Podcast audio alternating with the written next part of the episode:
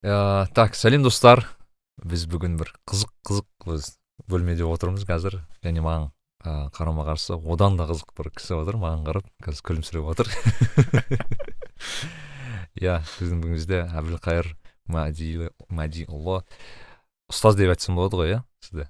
Қалайсыз ыңғайлы иә ұстаз ыыы бұрында ака әбеке миллион деген атпен белгілі болған бірақ қазір уже ондай емес әбілқайыр әбеке қош келдіңіз. Қош көрдік. Иә қалайсыз әбеке өз жақсы. Иә тамаша. Иә. Мына жерде мындай ыыы дыбыс жазатын студияда жалпы бірінші рет келіп тұрмын негізі. Иә біз негізі біз жаңа ғана обсуждали бізде қазір ыыы не дейді андай громко звенящая тишина дедіңіз иә. Звенящая тишина болып тұр мына жерде жан жағымызда кітап. Вот ыыы әбеке сізді жалпы мен соңғы жыл қатты жиі оқып жүрдім. Жеке өзім бүйтіп енді сіз жиі прямой эфирлар жасадыңыз инстаграмда жалпы кейін анау түрлі посттар жазасыз деген сияқты. Ә, маған сіздің образыңыз сізге айтқан едім маған бір анау екі мың он екінші он бірінші жылдағы шамиль аладдиновтың бір образын берді да сол кезде. Қазақтың ыыы шамилі бар екен ғой деп. Жоқ мен айтқан жоқпын шамиль біздің иә. жеке дара адамсыз. Уникум дейді ғой яғни. Иә. Өзіңізді бірақ қалай айтасыз мысалы әбілқайыр кім дегеніңізді қалай өзіңіз жауап бересіз әбілқайыр мәдиұлы исламтанушы пежи докторант нұр университетінің оқытушысы. Осылай таныстырамын. Позиционирование ыыы исламтану тұрғысынан көбінше. Иә. Бұрын асылы ыыы бұрынғы ортам ә, осы жастармен жұмыс жасау ы дебат пікірсайыс. Мхм. Пікірсайыс орталығын басқардым. Мхм. Ы қызылордада. Осылай сосын барып сосын барып осы орталарда келіп жаңағыдай баяғы сол дейл карнеги бар басқалар бар соларды оқып кейбір мәселелер бойынша сабақ беріп сөйтіп жүрдім да кейіннен барып алаң алаумен нұр университетіне түстік қой. Ну получается мен ыыы сол ортадан келдім деп айтсам болады ғой. Иә бірақ сіздің негізгі оқуыңыз сіз программист па болдыңыз иә есімде болса? Иә мен әкем программист мен кішкентай кезімнен бастап сол баяғы анау еще интл бірде жаңағы windows 95-те сайт жасап программа жазып сөйтіп өскенмін. You are happy child деп айту керек қой Иә. дәл солай. Сосын барып кейіннен барып уже ыыы программирование оқыдық. Бірақ енді программирование оқыған уақытта да енді кішкене бэкграунд болды. Программированиеға байланысты. Сосын барып уже алланың қалауымен ыыы ішкі саясат жаңағы жастар мәселелерімен айналыса бастадық. Ішкі саясат басқармасында жұмыс жасадым. Ыыы кейіннен барып алланың қалауымен ыыы алла бір сондай бір нәсіп етіп көңілге салып мхм. ы білім жолына түстік қой. Нұрмараққа а ол сонда сіз бірінші мен дұрыс түсіндім иә яғни сіз бірінші оқуда оқыдыңыз жұмыс істедіңіз бағанағы түрлі түрлі жерде кейін барып нұрмараққа түстіңіз. Иә. Яғни сізде өте бір саналы өте бір байыппен келген шешім болды ғой значит ой ой. Мен ыыы нұрмараққа түсетін жылы былайдан болған. Мен бір бизнес ашамын деп шештім. Мхм. И менің ұғымымда бизнес ашатын адам нөлден әшейін бір жерден алып ақша алып кредит алып бастай салу ол қате да. Ол сол салада біреудің қолында жұмыс жасау керек. Мысалы ретінде жарты жыл жыл деген сияқты иә. Тәжірибе сен түсінуің керексің. Қай шикізат қай жақтан келіп жатыр қай мәселелер қалай шешіледі финанстың мәселелері қандай нормалар қандай факторлар қандай әсер ететін деген сияқты. Сөйтемін деп бір кісінің қолында жұмыс жасадым. Мхм. Бір жылдай уақыт. Ол кісі маған уәде берген егер сен бір жыл жақсылап жұмыс жасасаң кейіннен сен саған өзіңе жеке бизнес ашуыңа ақша құямын деген. Мхм. Бір жыл жұмыс жасап бітіп жатырмын уже. Ол кісі уже маған ақша құяйын деп жатқан кезі. Оның үстіне мен сол уақытта ыыы назарбаев мектебі ашылып жатты қызылордада сол жақта жаңағы қабылдау комиссиясында жүрдік мен әкем сол жақта жұмысқа кірейін деп жатты и менде де көмектесіп жүрдім. Нәтижесінде мені де сол жаққа жұмысқа шақырды. Ол жақтағы маған сол кезде ұсынған айлығы ы, мың доллар ма мың жарым доллар ма сондай. Енді ол кездегі- короче. Иә мен ол кездегі қызылордадағы бағана бір жыл жұмыс жасаған айлығымдағы айлығым қырық мың теңге тұғын ғой ммм айырмашылық қандай. И осы нәрселердің барлығы келіп келіп келіп тұрған кезде дых көңіліме алла тағала дін дін білім діни білім іздеуді салады. Мхм үйге барамын да әке шешеме айтамын ғой мен осындай осындай барын тастап нұрмараққа түсейін деп жатырмын деп. Үйдегілер күлді алғашында серьезно қабылдамады. Енді бір кісілер күлді енді туысқандар нелер басқалар деген сияқты. Бірақ ыыы енді алла табандылық берді осы мәселеде. Кейін барып бәрібір де қояды қоймай екінші рет тағы да барып әке шешемнен рұқсат алып сөйтіп барып нұрмарак университетіне түстім шыны керек. Ыыы мүлдем өкінген емеспін. Ешқашан өкінген кез болған емес. Бірде бір рет ше. Ал бірақ ыыы маған қызық мысалы мен оған дейін де подкаст жасадым ғой нұрбекті оқыған оқып жүрген жігіттер бар Мм. омар бар ол олжас бауырымыз бар. Иә. Оған дейін де болар адамдар болды.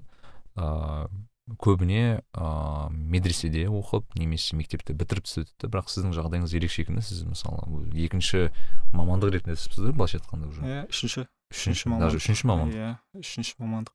Аха. өйткені енді мен ыыы бағана ғана бизнеспен айналыса бастадым дегеннен алдын мен сол жаңағы госструктурадағы ыыы осы бір лестницамен жүр- жүргім келген бір сәт. Қасымда командам болған біз бір жобалар атқаратынбыз. Ыыы енді алла адамның көңіліне салған болатын болса ол истихара ғой. Мен истихара туралы көп айтамын. Истихара деген бар ғой білетін шығарсыз Иә, бағана иә. шешім қабылдайтын уақытта жаңағыдай не қылатын. Истихараға байланысты бір екі сұрақ бар да менде. Мысалы истихара бізде көбінесе енді имамдар айтатын ыыы тақырып ол айтады.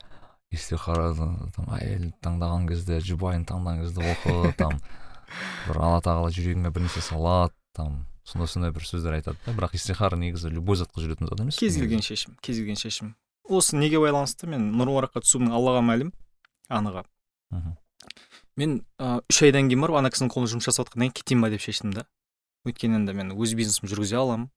Ә, толыққанды ә, енді адамдардың мысал ретінде бір сағатта жасайтын жұмыс, жұмыстарын заказдарын мен он минутта тез жасай аламын қарамай жазамын компьютерге кейбір мәселеде аудармалар жасаймын басқа қыламын бүкіл нәрсе қолымнан келіп тұр. Үш айда примерно түсіндім мәселе қалай екендігін.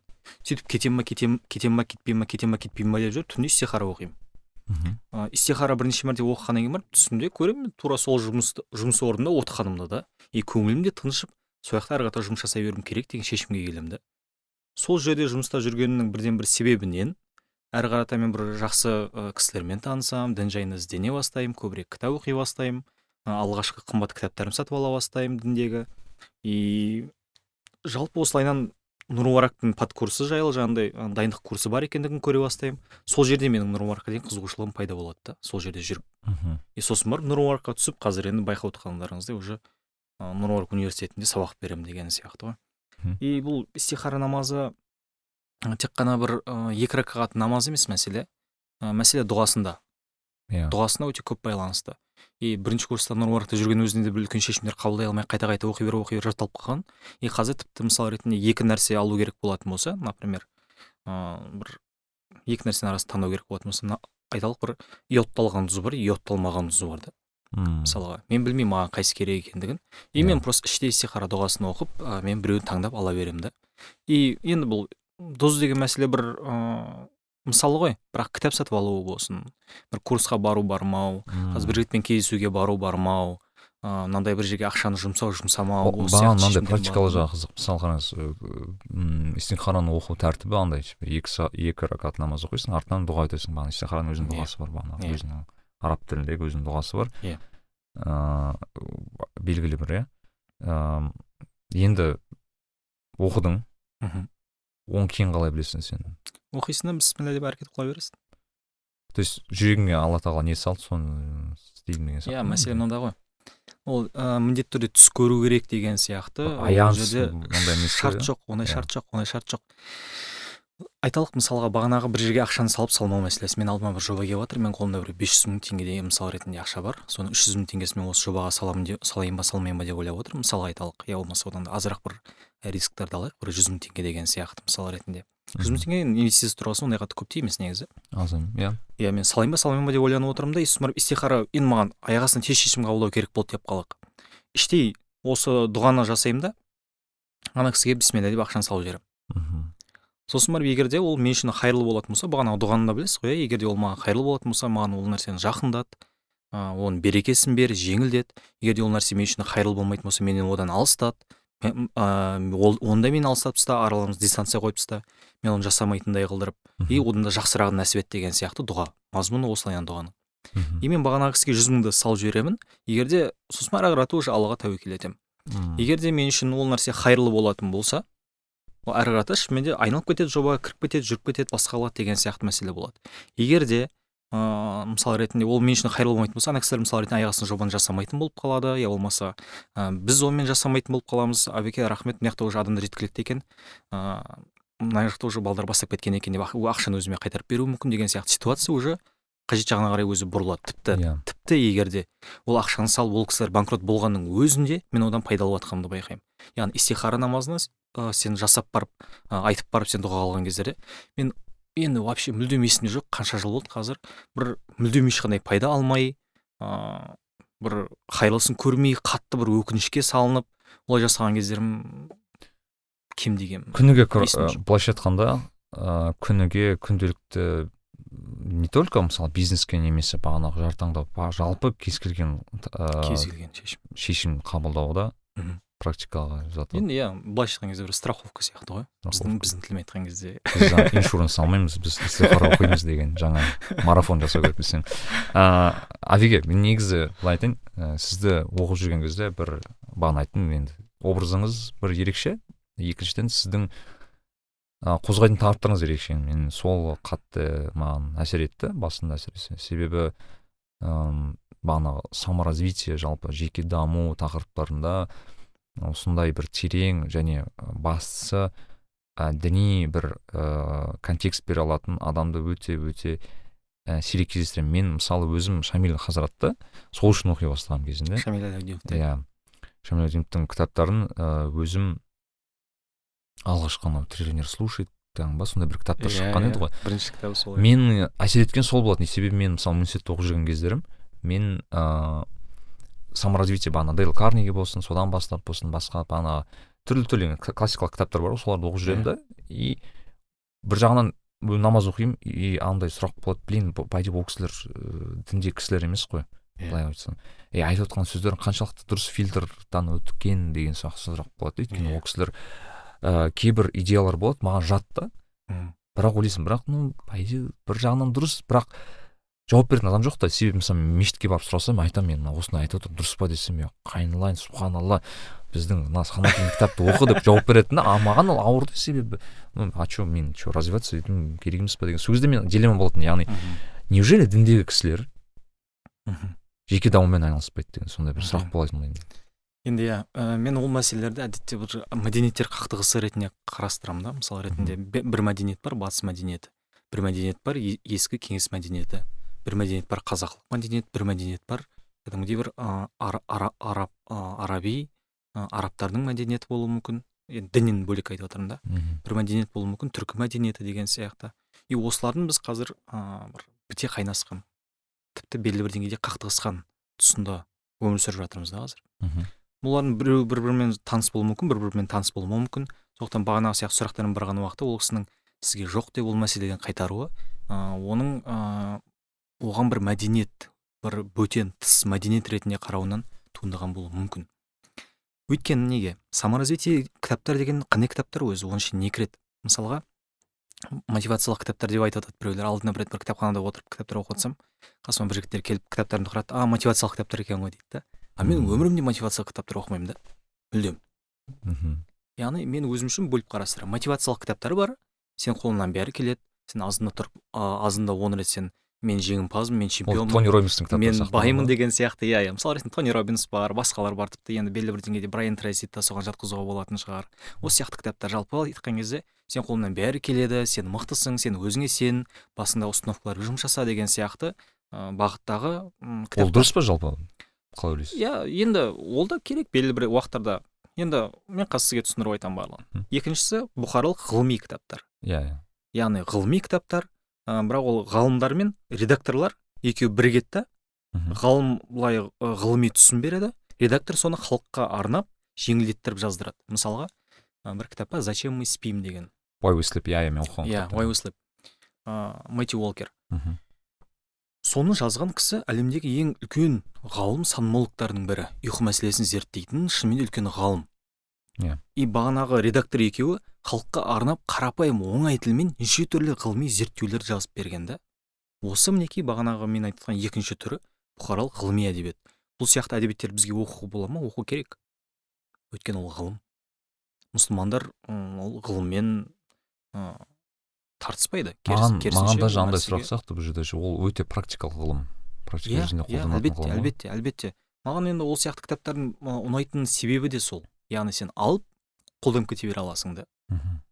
мысал ретінде біреулер болады ғой мысалы бір теориясын басқасын басқасын жақсы айтып жатады. Ал бірақ ә, тәжірибеге келген уақытта тәжірибелік ешқандай бір нақты қадамдар бермеуі мүмкін.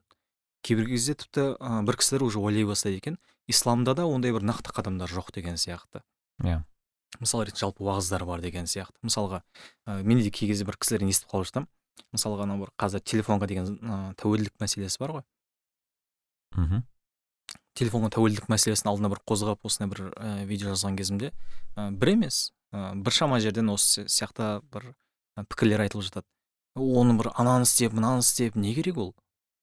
Кірмей қой болды деген сияқты. Ол кісі зависим ғой ол кісі тәуелді ғой ол нәрсеге. Сондықтан біз оның жолдарын ұсынуымыз керек та. Сондықтан исламда да сұрайды. Мысалға бір шәкірттер мен ұстаздар отыр деп ойлаңыз. Ұстаз айтса біз тақуалық етуіміз керек десе я болмаса ана бір ыыы көзімізді зинадан сақтауымыз керек жаңағыдай ұятты жерлерге қарамауымыз керек деп айтқан болатын болса шәкірттердің сұрағандарын өз көзіммен көрдім. Шейх турук дейді. Яғни оның жолдары не дейді? Практикалық практикалық қадамдар. Иә. Яғни мен не істеуім керек ол үшін? Мысалға бірінші практикалық қадамы сен мегацентр сияқты жерлерге жаздың кезінде барма мхм. Өйткені сен ол жерде көзің сақтай қалуың екіталай. Одан да сен тауға бар. Я болмаса ыыы басқа жаңағы сияқты андай бір ыыы жалаңаш нелер көп жүрмейтін бір басқа бір парктар таңда деген сияқты мысал ретінде қаланың пляжға барсаң Иә, адам иә, жоқ пляжға бар деген иә сияқты сен ма? енді иә өздігімен пляжға барып тұрған болатын болсаң сен көзіңді қалай сақтаймын деп сұрауың енді уже ақылға қонбайды ғой. Бірақ бұл нәрсе бір жағынан ойға да келмеуі мүмкін жас балаларға. Сондықтан ол жас балаға сен айтатын қадамың сен бағанағы сияқты көпшілік ыыы жалаңаш жүретін жерлерге изначально барма. Я болмаса екінші жолы сен егер де ыыы кездестіріп қалған болатын болсаң төмен қара. Мхм. Деген мен сияқты. мен жалпы осыны жиі ойлайтынмын осы туралы. Себебі мысалы ыыы мешітке уазға барасың ғой кейде сол кезде айтады мысалы хадистер келтіреді дұрыс әсер етеді. Ыыы тағы құрандағы кейбір аяттарды алады. Мысалы айтайық ойға келген мысалы көршіге жақсы қарым қатынас көршімен жақсы қарым қатынаста бол дейді да ол хадистер келтіреді бағанағы бас басқа пайғамбар саллаллаху нелерін примерін келтіреді ол сөйткен бүйткен деп. Иә. бірақ ешқандай практикалық бір несін айтпайды да ойлайсың окей типа мен білдім ол информацияны. Мен не істеймін онымен иә енді мен не істеуім керек? мен не істеуім керек ну Иә. реально. Андай жоқ та типа барып бүгін бар да амандас. Бір не болса бауырсақ осы жеті нан пісіріп бер мысалы бір нәрсе болса деген сияқты. Ну я не знаю короче түсінесіз ғой яғни. Иә. белгілі бір ыыы не жоқ та инструкция сияқты ше? Осылай істе осылай істе осылай істе иә енді ыыы мен кей кезде байқаймын мәселе оның хадис аяттарда жоқтығы емес сияқты. Иә, көбірек айтқан кезде ыыы бір конкретно сол жағдайдағы уағызшының акцентті жалпы адамдардың ыыы мотивациясына қоюы сияқты.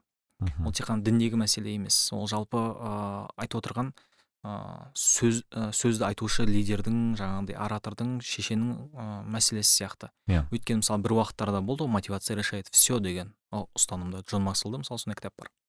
Мотивация решает все сен просто бір мәселеге байланысты оған өлтіріп жаңағыдай бір дірілдеп тұратындай деңгейде мотивация беріп тастайсың әрі қарата ол уже өз жолын табады деген сияқты.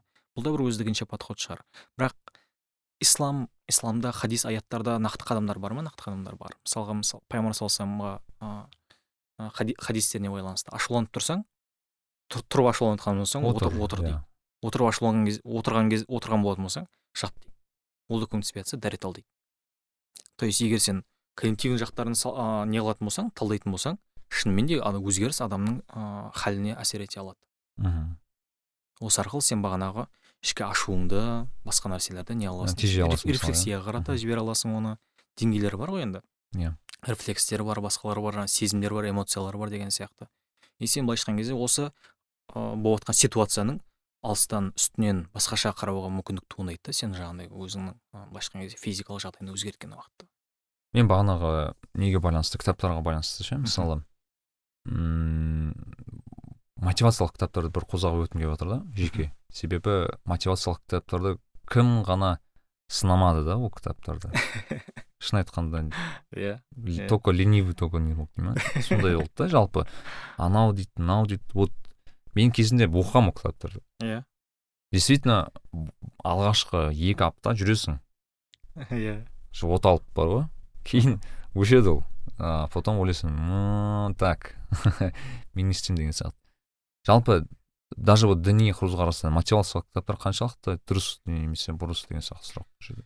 жоқ ол нәрсеге ыыы бізде өз дінде белгілі бір ы, заңдылықтар бар. Мынандай ы, суфиян саури деген ғалым өткен. Иә иә.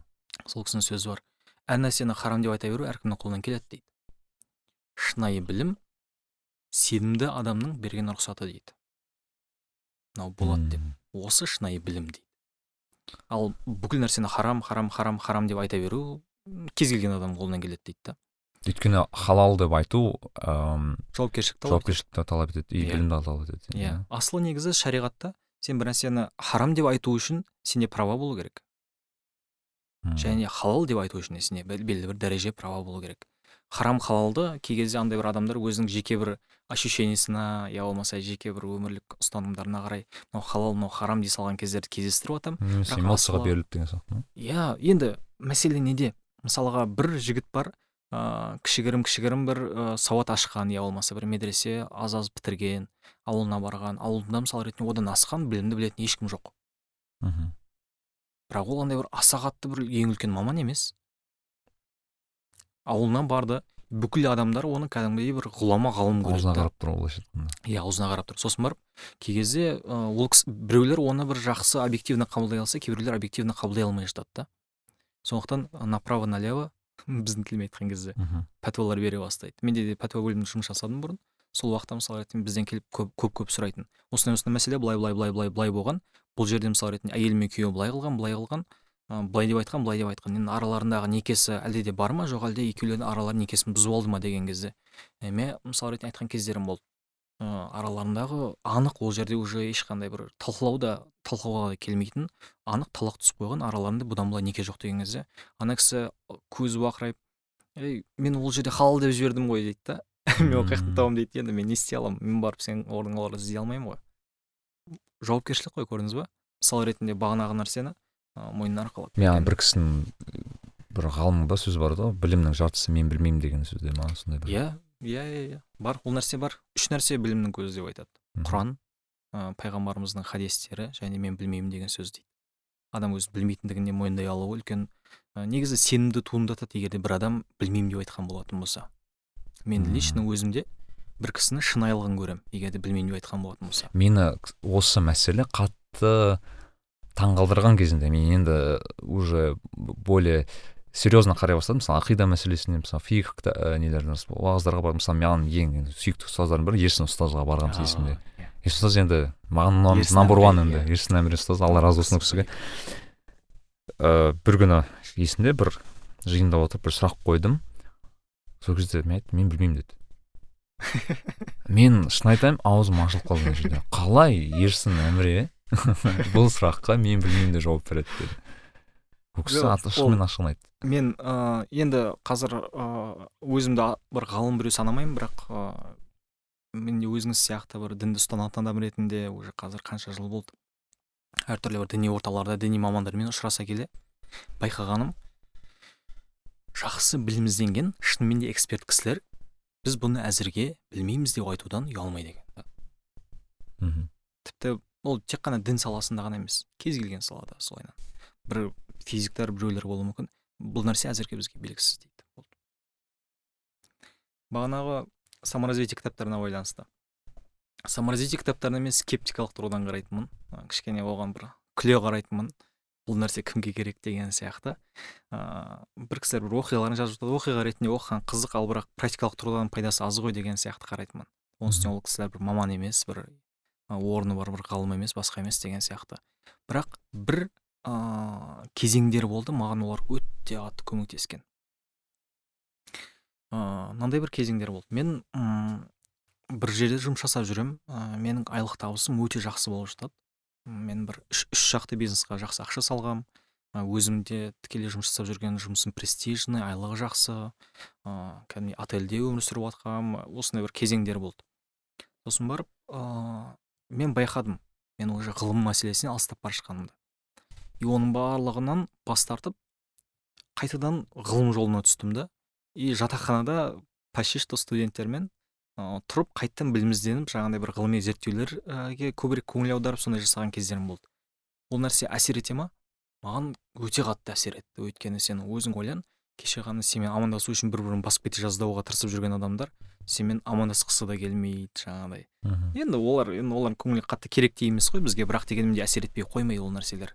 Бұрын- бұрыннан бері сен әбеке әбеке болып жүрген кісілер қазір андай бір бір нәрсе тиісіп қалуға тырысып өзін көрсетіп басқа қылып неше түрлі жан жағының барлығы сен бұрылып кеткен уақытта адам самооценкасына енді әсер етпей қоймайды екен. Енді білмеймін басқа мәдениеттің адамдары болатын болса олар әсер етпейтін шығар. Бізге ол нәрсе әсер етеді екен. Иә. енді маған шынымен өте үлкен удар болды. Енді айтпаймын что көңілім қатты түсті деп бірақ мен самооценкама әсер етпей қойған жоқ. Ә, әрі қарата ізденіп ана бір өзім қалып қалдым. Біраз уақытқа бір өзім қалып қалдым. Қасымдағы біршама кісілер менен ә, теріс бұрылып кеткен кезеңдер. Бір өзім қалып қалдым и уже іштей жалғызсырау пайда бола бастады самооценка кете бастады. Оның үстіне сен аздан кешке ешкімді көрмегеннен кейін барып жатып алып жаңағыдай не тек қана аздан кешке қағаздар жаза бересің қағаздар жаза бересің бір зерттеулер мақалалар бір нәрсе сір нәрсе. Енді ол нәрсе керемет па керемет. Бірақ бәрібір де ана нәрсе адамды баса береді екен да и осы уақытта кішкене ойымды жинақтап өзіме деген сенімді кішкене бір нақтылау үшін сенесіз ба мені тыңдап маған поддержка беретін адамдар таба алмай қалған кезеңдер ғой. Мхм. Яғни мысал ретінде кез келген адамға қасындағы адамдар керек. Пайғамбар саллаллаху да мысал ретінде қасында ә, поддержка беріп көңілін ә, көңіліне демеу болған кісілер болған. Хадиша анамыз мысал ретінде пайғамбар саллаллаху өте үлкен поддержка берген ә, ағасы поддержка берген деген сияқты. Яғни тым болмаған кезде морально. Ал ол уақыттарда маған моральный поддержка беретін адам табылмай қалды да. Мхм. И сол уақытта бағанағыдай маған бір мотивациялық бір кітап қолыма түсіп қалды. Будь деген. Иә. И ол кезде менде как раз ә, kindle бар. Электронды кітап содан алып оқып жүрдім. И анау шынымен де кішкене өз өзімді жинақтауыма күш берді да. Мхм. Яғни мен уже ә, жұмыстарымды жасамаймын емес жасаймын. Бірақ ол жұмыстар маған дисциплинамен кетіп жатыр да таза. Іштей мен уже ә, кішкене шайқалып жатқан кезеңдерім еді да. Бағанағы сияқты кітап маған шынымен де жігер берді. Ә, бағанағы айтқан сөздері нелері маған шынымен де ә, қолдау жетіспей жатқан кезеңде қолдау болды да жаңағы сөздер. Өтті ғой. Өтті. Маған әсер етпеді емес етті емес сол кезде барып түсіндім не үшін адамдар мотивациялық кітаптар оқитындығын. Өйткені оларға соны өмірде айтатын адамдар жоқ екен ғой. Кей кезде. Мхм. Біздің қасымызда адамдар бар болуы мүмкін бірақ ол адамдар өздері жұмыстарымен увлечен өз жұмыстарының жаңағыдай ба- ба- басымен кіріп кеткен біз бізді мысал ретінде ақшалай қамтамасыз етемін деп жүр бізге көңіл бөлуіміз кеткен болуы мүмкін. Я болмаса оның өзінің уайымы бар болуы мүмкін. Кей уақытта адамдар саналы түрде кей уақытта санасыз түрде бізден теріс бұрылып кететін кезеңдер болады. Иә. осы уақыттарда бізге қолдауды осы сияқты мәселелерден келеді екен ғой. Яғни менің түсінігімде қазір ә, мотивациялық кітаптардың пайдасы бар белгілі бір неде ыыы белгілі бір состояниеде яғни болған кезде. Белгілі бір халде? Белгілі бел- белгілі бір халде. иә. Мысалы сен адам өзінде бағанағы днода дейді ғой. Иә. Жүрген кезде бір серпіліс кішкене бүйтіп бағанағы золотой пендель дей ма? Сондай беру үшін Иә. де керек сияқты да. Иә керек. Енді мотивацияны толыққанды жоққа шығарып тастау да дұрыс емес шығар. Мысалға м, джонатан норкросс джон норкросс деген сияқты авторлар бар зерттеушілер. Сол кісілер әдеттің қалыптасуына байланысты үлкен зерттеулерге негізделген кәдімгідей практикаға негізделген бір кітап жазып шығады. Прокачай себя деген. Ол жаңағыдай жаман әдеттерден құтылуға байланысты жақсы әдеттерді бойыңа қалыптастыруға байланысты. Иә. әдеттер деген өте маңызды ғой енді. Сен тұлға тұлға даму деп бәріміз айтамыз саморазвитие деп. Сен қай жақтан білесің? Сен самоң развиваться етіп жатқандығын. Иә. тұлғалық даму дейсің тұлғаң дамығанын қайдан білесің? Бір екі үш төрт деп сантиметр миллиметр сияқты өлшейтін нәрсе бар ма? Бар. Ол не нәрсе? Ол әдет. Сен бір жақсы әдет алған уақытта сен бір қадамға дамыдың. Сен тағы бір алдың тағы бірдан. иә яғни бір тағы да бір показатель қадам, ғой сен. тағы да дамдың иә бір белгілі бір өлшем сияқты өздігінше. Егер де сен жаман әдеттер көбірек пайда болған болатын болса сенде деградация личности кетіп жатыр. Енді осы әдеттердің қалай қалыптасатындығын қалыптасу кезеңдерін баршасын кәдімгі сипаттап тұрып бір екі үш төрт бес кезең әр кезеңдегі атқарылатын әрекеттер мыналар әрқайсысының шамамен өлшемдері жеті он төрт күннен ә, басқадан мынау мынау кезең мұнша күн деген сияқты өте керемет жұмыс. Сол жердегі ана кісінің айтатын мынандай бір қызық ойы бар. Бір кісі бір әдеттен бас тартамын деген болатын болса ең алғашқы маған келген кезінде қол дірілдеп жіберіңдер мен мынаны істеймін деген сияқты деңгейде болмайтын болса Мгм. тастаймын мен бұл әдетті деген сияқты я болмаса мен бұл әдетті істеймін деген сияқты мотивированный болмаса иә? Өте мотивированный болмаса келесі кезеңдерге өткізбеймін дейді да. Жай ғана келіп мен ыыы мен темекі қойғым келеді а жарайды сен мынаны мынаны істе деп істей сала алмаймын дейді. Бірінші ол міндетті түрде іштей жануы керек деп айтады да. Тіпті бұл нәрсе бір ислам әдебиеттерінде де кездеседі. Егер де бір адамның бір істің басы жарқырап жанып тұрмаған болатын болса арты оның жақсы нәтиже береді деп күту қиын деп айтады. Атайля сакандари деген кісі бар. Атайя деген кітап бар. Сол жерге сілтеме бере аламын. Сол жерде тура осындай сөз бар. Яғни біз мотивацияны жоққа шығармаймыз бірақ проблема неде? Сол алғашқы кусок мотивацияды мынау алғашқы жанған жануды дұрыс пайдалануды мысал ретінде айталық сіз қазір лотерея жеңдіңіз. Қаншама адамдар бар тарихта лотерея пәленбай миллиондар жеңіп алған бірақ ақыр соңында мүлдем дымсыз қалған да. Иә. сен де тура сол сияқты болып қалмауың керексің. Қалмауың керек. Мхм, мысалға саған осындай айталық бір өлшеммен өлшейтін болсақ ыыы жүз килограмм мотивация берілген болатын болса сен кәдімгі жанып тұрған болатын болсаң ыыы бір жүз бет оқитын деп айтайықшы кітаппен не қылайық? Кітаппен түсіндіру өте қатты жеңіл. Мхм. Жүз бет оқитындай деңгейде сен кәдімгідей мотивация жанып тұр сен жүз бет оқуың керек па? Екі жол бар. Екі жол бар. Егер де ә, кітап жүз беттік болатын болса иә жүз бет оқу керек. Мхм, я болмаса көбірек мотивация жинау керек. Екінші жол бар. Сен бес ақ бет оқисың да қалған мотивацияны ертең алып қаласың. Мхм. ары сақтайсың сақтайсың. Мысалға сен ыыы саған бір кісі айтса мысал ретінде ыыы мінекей саған манты төрт штук ертең тағы да төрт штук беремін десе. Сен ертеңгі күнді уже күтесің белгілі бір деңгейде. Мхм, бүгін жедің и ертеңді тағы да күтесің.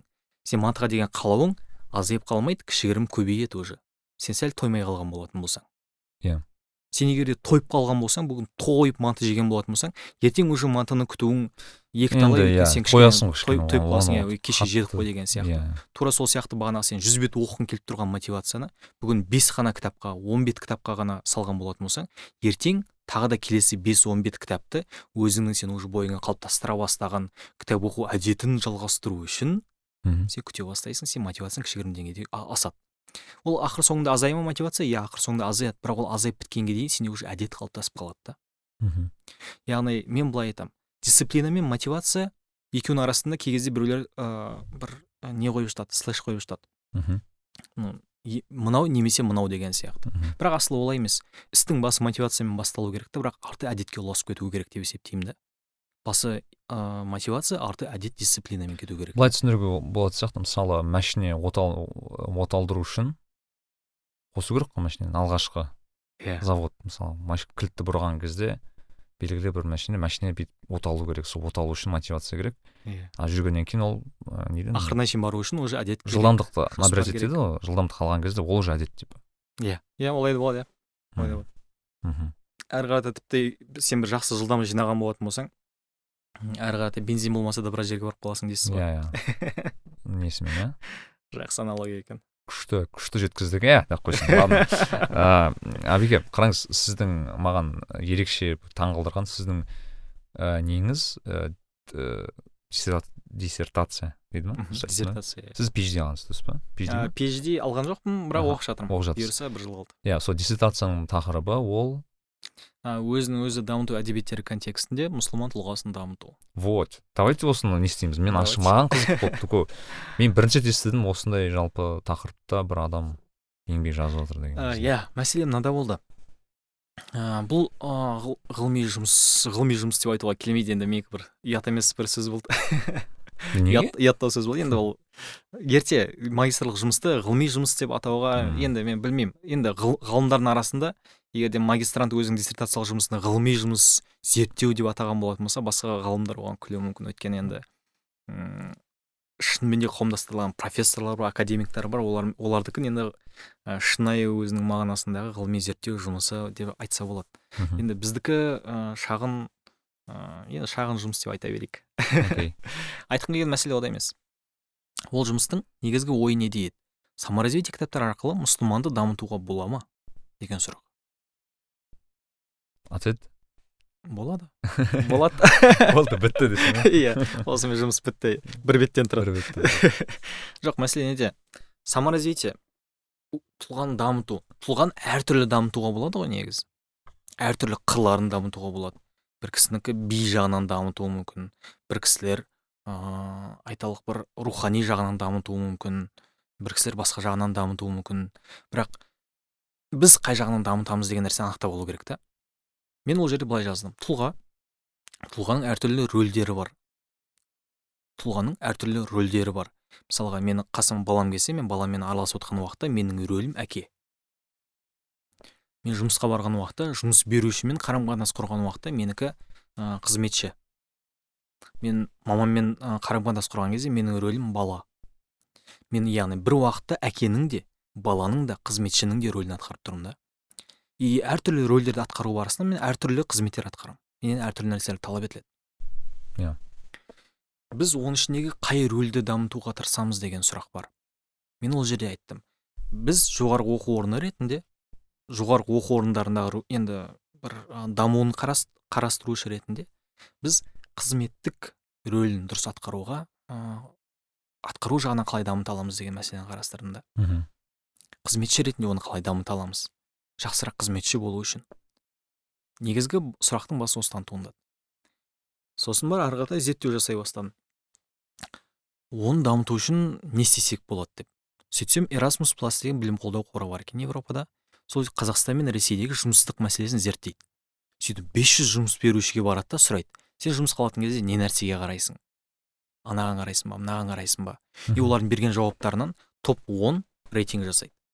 Иә. Yeah. осы 10 қасиет біздегі ә, жұмыс берушілердің ең көп сұрайтын қасиеттері осылар екен. Осылар бойынша енді біз оқытайық дейді да. он екі оқу орнынан қазақстан мен ресейдегі қазақстанда үш оқу орны кірген оған нархоз назарбаев және де қарағанды экономикалық университеті. Осы үш оқу орны бағанағы он қасиет бойынша оқыта бастайды.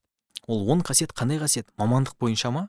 Мамандық бойынша емес екен. Мхм. Яғни бізде мысал ретінде біздің көз алдымызда бір шартты түрде слесарь бар деп ойлайық. Иә. Ол слесарлық ісін жасай алуы трубаларды бір бірімен жалғай алуы ол оның хард скиллзы тікелей мамандығы. Иә. Одан бөлек бірақ софт скиллз бар ғой. Софт скиллз деген оның тұлғалық қасиеттері. Мысалға біздің бағанағы слесаріміз жөндеуі керек. Бірақ ол жөндеу үшін бізге келе алмай жатыр әлде де. Ұмытып кете береді ерінеді басқа қылады. Ол слесарь жақсы қызметкер ма? Ол жаман қызметкер. Не үшін? Мамандығына байланысты істей алмай жатқандығы үшін емес өзін ұйымдастырып келе алмай жатқандығы үшін. Я болмаса дисциплинасы төмен. дисциплинасы төмен мысалға. Я болмаса ә, мысалға бізге слесарь келді бірақ андай ә, сөздерінің барлығы боғауыз аяқ киіммен кіріп кетіп басқа қылып сөйтіп басқа қылып жүр. Ол жақсы қызметкер ма жаман қызметкер ма? Ол нашар қызметкер. Бірақ не үшін трубалар жалғай алмағандығы үшін емес оның әлеуметтік мәдени компетенциясы нашар коммуникация жағынан. Иә әдеп әдебі біздің тілмен айтқан кезде. Я болмаса айталық біздің алдымызда бір мұғалім тұр делік шартты түрде. Екі мұғалім бар. Бір мұғалім бүкіл нәрселерді жақсы істейді жаңағыдай өзі кезіндегі оқыған нәрселерін бүйтіп әртүрлі бір суреттермен бір жақсы бір қағаздарды қиып алып келіп басқа қылып көрсетуге тырысады. Екінші адам бар ол неше түрлі ә, мықты керемет бір технологиялар оқыту технологияларын пайдаланады. Топтық жұмысты пайдаланады бір шетелден алып келген бір жаңа бір педагогикалық жетістіктерді анау оқыту процесіне қосады мысал ретінде. Иә. Екеуі қайсы ішінде жақсырақ маман деп айтамыз бағанағы оқу процестерін басқаларын ә, дамытып жатқан маманды мықтырақ деп айтамыз ғой. Иә. Екеуі де математиканы оқытады. Оның тікелей математикаға қатысы бар ма? Тікелей математикаға қатысы жоқ. Бірақ анау екінші мұғалімнің коммуникациялық қабілеттері мықты болуы мүмкін аналитикалық қабілеттері мықты болуы мүмкін тілдік ыыы оның компетенциясы мықтырақ болуы мүмкін ал, ағылшын тілін білгеннің арқасында гарвардтың бір оқыту системаларын басқалармен танысып соны алып келіп бізге мектепке енгізіп жатыр. Ол жақсырақ маман ба? Жақсырақ маман. Бірақ бағанағы оның хард скиллзы не еді? Жай ғана математиканы оқыту ғой. Ал оның софт скиллзы оны жақсырақ маман қылып тұр. Демек бір софт скиллз деген бар бүкіл мамандықтарға ортақ. Сен жақсы сөйлей алуың бүкіл мамандыққа ортақ. Сен жаңа шет тілдерін білу арқылы жаңа ақпарат алаңдарға қол жеткізе алуың бүкіл мамандықтардағы ортақ. Ә, сен лидер бола алуың және артыңнан мысал ретінде сен бір бір ақ адамсың. Ә, сен жақсы слесарь мысал ретінде бір трубаны он үш сағатта істеуі мүмкін мысалға. Ал саған берсе сен үш слесарьмен келісіп үйтіп бүйтіп бір нәрсе ұйымдастырып тастап үш сағаттық жұмысты он бес минутта бітіріп тастайтын қылып тастадың да. Иә. Сен лидерсің жақсырақ мамансың ба? Жақсырақ мамансың. Мхм. Сен келген бойда айтасың так ә, сен ә, алмат ә, трубаның мына жағын не қыл сен мына жағын не қыл ұйымдастырып тастадың да он минутта бітіріп тастадың. Жақсырақ мамансың ба? Жақсырақ мамансың бірақ тура сол ұйымдастырушылық қасиеттерді басқа да мамандықтарды ә, басқа да адамдарды жақсы маман ретінде ә, дамыту үшін қолдана аламыз ғой. Иә. Демек софт скиллз бүкіл мамандықтарға ортақ. Мен даже мынаны айта аламын да мысалы шетелдік жалпы осы IT компаниялар немесе басқа ірі ірі ә, корпорацияларда ә, карьера бағанағы не дейді өсу бар ғой. Ә, басында кіру үшін компаниялар былай айтайын енді жас мамандар тыңдап отырса кіру үшін хард скиллз керек. Иә бүкіл интервью процесстер бүкіл интервью бағанағы собеседование дейді яғни осының бәрі ол немен арқылы хард скиллс тексеру арқылы жүреді. И өте бір жиырма ары кетсе жиырма бес пайызы софт скиллс тексеру бірақ. Өйткені софт скиллс тексеру қайда қиын негізі? Иә. Себебі сен ол дұрыс сөйлесе алу керек ол Иә. қаншалықты сен дисциплина екенін біле алмайсың қаншалықты ол сен дөрекі немесе сыпайы сөйлейтінін тоже біле алмайсың. Сондықтан акцентті хард скиллсқа қойды хотя бы жұмысты жасайды деген. Иә. Ол дұрыс та. Иә, себебі ол бірінші сол сол үшін келді. И бірақ екіншісі жұмысқа тұрғаннан кейін енді өсу бар ғой жұмыста. Ол сол кезде бәрі сол скиллға кіреді иә рас, Неге? рас. өйткені а, сенің компанияңда и так сол хард скиллс бар адамдар жұмыс істейді. Иә. енді Иә. сен а, жұмыс істеу үшін сен софт скиллсың қайта мықты болу керек. Яғни сен мысалы бір задание келіп тұр софт скиллс жоқ адам тұрады да е ладно деп мен жасай береді. Иә. Софт скиллсы мықты адам не істейді? Отырады да так а че мен мен неге оны жасауым керекпін? Иә. Мен біз нені шешейін? деп жатырмыз. А вообще мен шешуім керек пе оны? Иә. деген сұрақ қоя критически ойлана бастайды. Тұрады да там ә, сол мысалы задание берген адамға айтады да слушай а сен неге олай ойладың біз мотивация не оның арқасында? Біз нені шешпекпіз негізі Иә. бұл сұрақпен. Ол айтады біз мынаны шешеміз оның басқа шешімі бар ғой. Неге біз былай көрмейміз? Иә тамаша немесе давай көр- мен мынаны аламын да а біз маған сен берген заданиені біз мына мына мына жігіттерге делегируем. Иә. өзі біз қайта былай көрген боламыз яғни ол өзінің софт скиллстар арқылы өседі. Өсу үшін софт скиллс керек. Иә, мен соны байқадым. Өйткені мен мен көрген ең топовый SEO болсын бағанағы лидершип бағанағы өте үлкен уровеньдегі адамдардың бәрінің софт скиллсы to the moon дейді ғой короче сондай уровеньде да олардың софт скиллс яғни ол сен жанында супер гений программист жұмыс істеуі мүмкін. Иә бірақ софт скиллс болса ол супер гений программист бола алмайды. Сол уровеньде қалады. Сонда мен түсіндім да. Яғни ол белгілі өз деңгейінде әрине жұмыс жасайды бірақ софт скиллс болмаса ол енді иә бұл ойды қуаттайтын тағы бір ой. Кез келген басшылық жұмыс софт скиллсды талап етеді ғой. Мхм. Бағана мысалы сен ә, бастық деп біз кімді айтамыз? Бастық бір істі ұйымдастырушы иә? бір жобаны жетекшісі. Маған шын айтсам қазақ тілінде бастық деген сөзді өте бір а білмеймін бір біртүрлі отношение. Мен менеджер деп айтқан сөздің астынан өйткені мысалы бізде бастық деген байқайсыз мен мысалы бастық деп жақында сұрақ қойдым. Бастық деген кім десең ол андай көбінесе андай контекст түсінеді екен қазақта. Ыыы жұмысты бәрібір өзі бір жұмыс істемейтін адамға көбінесе сондай бір халықты сондай негізіп қалыпты да бізде. Иә. Контекст все таки иә енді иә. Ә, ол, ол да рас шығар. Енді мен былай енді бұл бір тақырыптан шығып қалатын болды ғой. Мхм. Ә, басшы мен жұмыс жасау керек деп есептемеймін. Мхм. Яғни ұйымдастырушы. Иә. енді қалай бір кішігірім іс болатын болса біз сізбен мысалы ретінде қазір мынаның ішін әктейін деп жатқан болатын болсақ мен сізге жұмысты беріп қойып қарап тұруым керек деген сөз емес. мәселе ол туралы емес мен ол туралы айтып тұрғаным жоқ қазір. Мхм егер де мысалы ретінде екеуміз тамақ пісіріп бастаған болатын болсақ мына жерде аяқ астынан қазір ә, мен де сізбен қоса мысалы ретінде бірігіп тамақ пісірер едім пайғамбарымыз да әдеті осылай болған. Бір жерге келіп тоқтаған уақытында сахабалармен айтқан ыыы бір, бір, бір сахабалар айтқан ә, мен онда ә, барып қойсайын деген кезде біреу мен онда от жағайын деген біреу мен онда былай қылайын деген пайғамбар саллаллаху алейhi атып тұрып онда мен барып отын терейін деп айтқан да. Ол нәрсе иә ол лидерлік мәселесі. Бірақ топ менеджментқа келген уақытта адам рутинаның ішіне кірмей жұмыс жасауды үйренуі тиіс. Мхм мысал ретінде бір ыыы бір оқу орнының мысал ретінде директоры бар деп ойлайық. Оқу орнының директоры жүріп анау әртүрлі анау бір сабақтардың ішіне кіріп басқа қылып жүруі жаман нәрсе емес. Тексеру керек басқа қылу керек оның барлығы жақсы нәрсе. Бірақ оқу орнының алдында тұрып алып сағат сегіздегі оқу, ана оқушылардың кешікпеуін қадағалап жүретін болса ол оқу орнына жаңа студенттерді қай жақтан табамыз деген мәселелерді біздің пәндеріміз оқытып жатқан дұрыс па деген мәселелерді ә, мен оқытушылардың арасына жақсырақ кадрларды қай жақтан табамын деген мәселелерді более высокоуровневый иә сұрақтарды стратегиялық ә, мәселелерді ойлауға уақыты болмайды да. Оның жұмысы асылы осылар. Жаңағыдай бір ә, дипломатиялық жұмыстар басқа жаңағыдай оқу орындарымен я болмаса жаңағыдай ә, білім министрлігімен басқамен қарым қатынастар құралуы стратегиялық мәселелері құрылымдық мәселелері мүмкін бізде ә, жаңадан білім инновациясы отделы керек шығар мүмкін деген сияқты мәселелердің барлығын ә, топ менеджмент рутинаға кірмеуді білуі керек та ал мындай уже кішігірім аз істерде осындай бір топпен жұмыста ол әлбетте енді іс- істің басында барысында жүруі жақсы құптарлық іс қой иә. Ыыы мысалы әдебиет алдыға мысалы біз түрлі түрлі саморазвитие маған жеке дамуда тұлғалық дамуда түрлі кітаптар бар.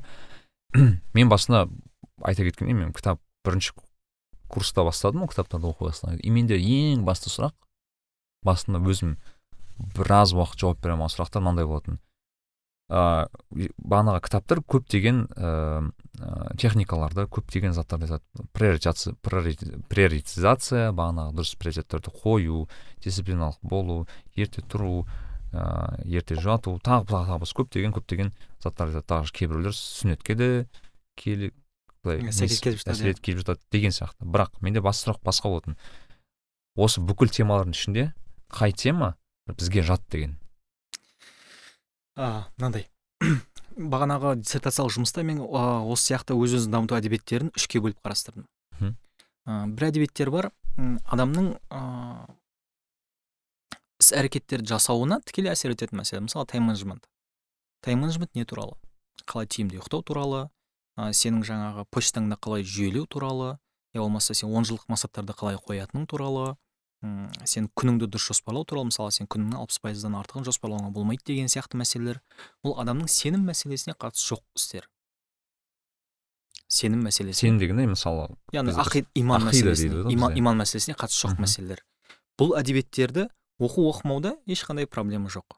Ол бір инструмент инструменттік ыыы бір қасиеттерге ие сен аласың да просто инструменттер алып пайдалана бересің тікелейінен я болмаса тура сол сияқты бір ыыы программисттер үшін жава тілін оқу деген сияқты ыыы менің оған иманның әсері жоқ иә иманның оған ешқандай қатысы жоқ. Ол жаңағыдай бір харам халал мәселелеріне қатыстылығы ыыы орысша айтқан кезде косвенный. Мхм сондықтан ондай кітаптарды оқығанда тұрған көбінше ештеңе жоқ. Ә, бірақ сен сол салада шариғат не дейтіндігін білуің керексің. Мхм мысалға сен айталық сен қаржыгерсің ыыы қазір сен трейдингқа кіріп жатсың. Трейдинг туралы кітапты оқуыңа бола ма? Оқуыңа болады. Бірақ сонымен қатар сен сол салада шариғат не дейтіндігін де білуің керексің. Мысалға ауифи аудиторлық үлкен мекеме бар. Шариғат стандарттарына сай қаржылық мәселелерді шешуге байланысты стандарттарды жасап шығарған осы бағытта жұмыс жасап жатқан. Сондықтан сен егер де қаржыға байланысты бір орын баффеттің немесе басқалардың деген сияқты мысал ретінде бір жұмыстармен басқалармен танысқан болатын болсаң сен тура сол сияқты бағанағы шариғи стандарттармен де танысуың керек болады. Yeah. трейдингтегі. Бұл бірінші топқа байланысты кітаптар. Екінші топтағы кітаптар бар. Олардың ыыы олар тікелей сенімге байланысты. Тікелей сенімге байланысты. Мысал ретінде ыыы құдайдың барлығына байланысты бір кітаптар бар. Ыыы мен қазір атауларын атамай ақ қояйын. Ыыы маған почему то андай кітап келіп отыр. Подсознание может все деген мысалы. Ол қаншалықты сенімге байланысты? Подсознание может все деген джон кехо кажется иә джон кехо иә подсознание может все деген кітап қой. Енді қазір ол тақырыптан ауытқып кетеміз қазір ол кітап кейін талқылаймыз бірақ мен есіме негізі иә жаңа сіз айтқан визуализация не мәселелеріне қарата подсознание мәселесіне қарай кіріп кетеді ғой. Бірақ жалпы айтқан уақытта мен қазір былай арасы үш түрінің анық, болу үшін просто бір анық кәдімгідей бір мысалдарын көрсеткім келе жатқан ғой түсінікті болу үшін. Қандай кітап кіреді екінші? Екіншіге мысалға адамның сеніміне байланысты кітаптар. Мысалға құдай тағаланы іздеген кітаптар бар басқалар бар мысал ретінде адамның ыыы существует ли бог деген сияқты мысал ретінде болмаса бір ыыы айталық кроличья нора деген мысалға бір кітап бар. О вот сол. Мен мен оқығанмын ол кітапты. Мен оқығанмын ол кітапты. И мен ә, ол кітапты аллаға шүкір ақида оқығаннан кейін оқыдым. Яғни сенім наным мәселесін оқығаннан кейін барып оқыдым. И біз как раз біздің ортақ досымыз данияр жігітбек екеуміз. Иә. Yeah. бірінші рет оқығаннан кейін данияр мынандай сөз айтты. Говорит мынаны мына кітапты ақидаға сенімі мықты болған адамға беруге болмайды деп айтты да негізі. Ақидаға сенімі мықты адамға яғни ақидалық білімі мықты ақиданы оқыған яғни бағана кітаптарды немесе сабақ алған кісі болмаса оны білмесе мына кітапты бермеген дұрыс деген сондай бір тұжырымға келді. Иә дәл солай дәл солай. Енді былай ғой асылы ақиданы оқыған адам одан да сорақыларын көреді негізі. Өйткені ақида кітаптары осы сияқты әртүрлі бір адасқан ә, нелермен уақытында жаңағыдай бір исламның ә, ғалымдары әрқайсысын талдап талдап тастаған негізінде. Ә, мысал ретінде оның ішіндегі айтқан мынандай бір ой есіме алып қалып азында ұйқыдан тұрып аяғымды жерге қойған уақытта пұлға қарап осы пұл шынымен бар ма? деп ойланамын дейді да бір кісінің пікірі бар. Мхм. Бағана кроличья нора деген кітаптың ішінде осы мәселе бар. Енді қараңыз бұл мәселе софистика. Ол не? Софистика яғни бар ма жоқ па айналамыздың барлығы иллюзия деген сияқты мәселелер. Мм. мысалға омарға бір кісі сондай келген айналамызда басқалар ештеңесі жоқ деген сияқты. Мгм. яғни бұның барлығы жалған нәрселер бұл асылы жоқ нәрсе негізі. Бұл қазір бар бірақ бұл жоқ деген сияқты. Түсіндіңіз ба? Иә. Мен сол кезде айтқанмын бұл кісіге дүре соғыңдар көрейік бар ма екен жоқ па екен? деп.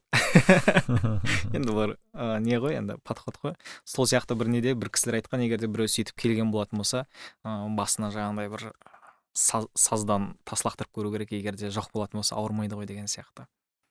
Енді кейбір кісілер солайынан жан жағының барлығын жоққа шығаруға тырысады.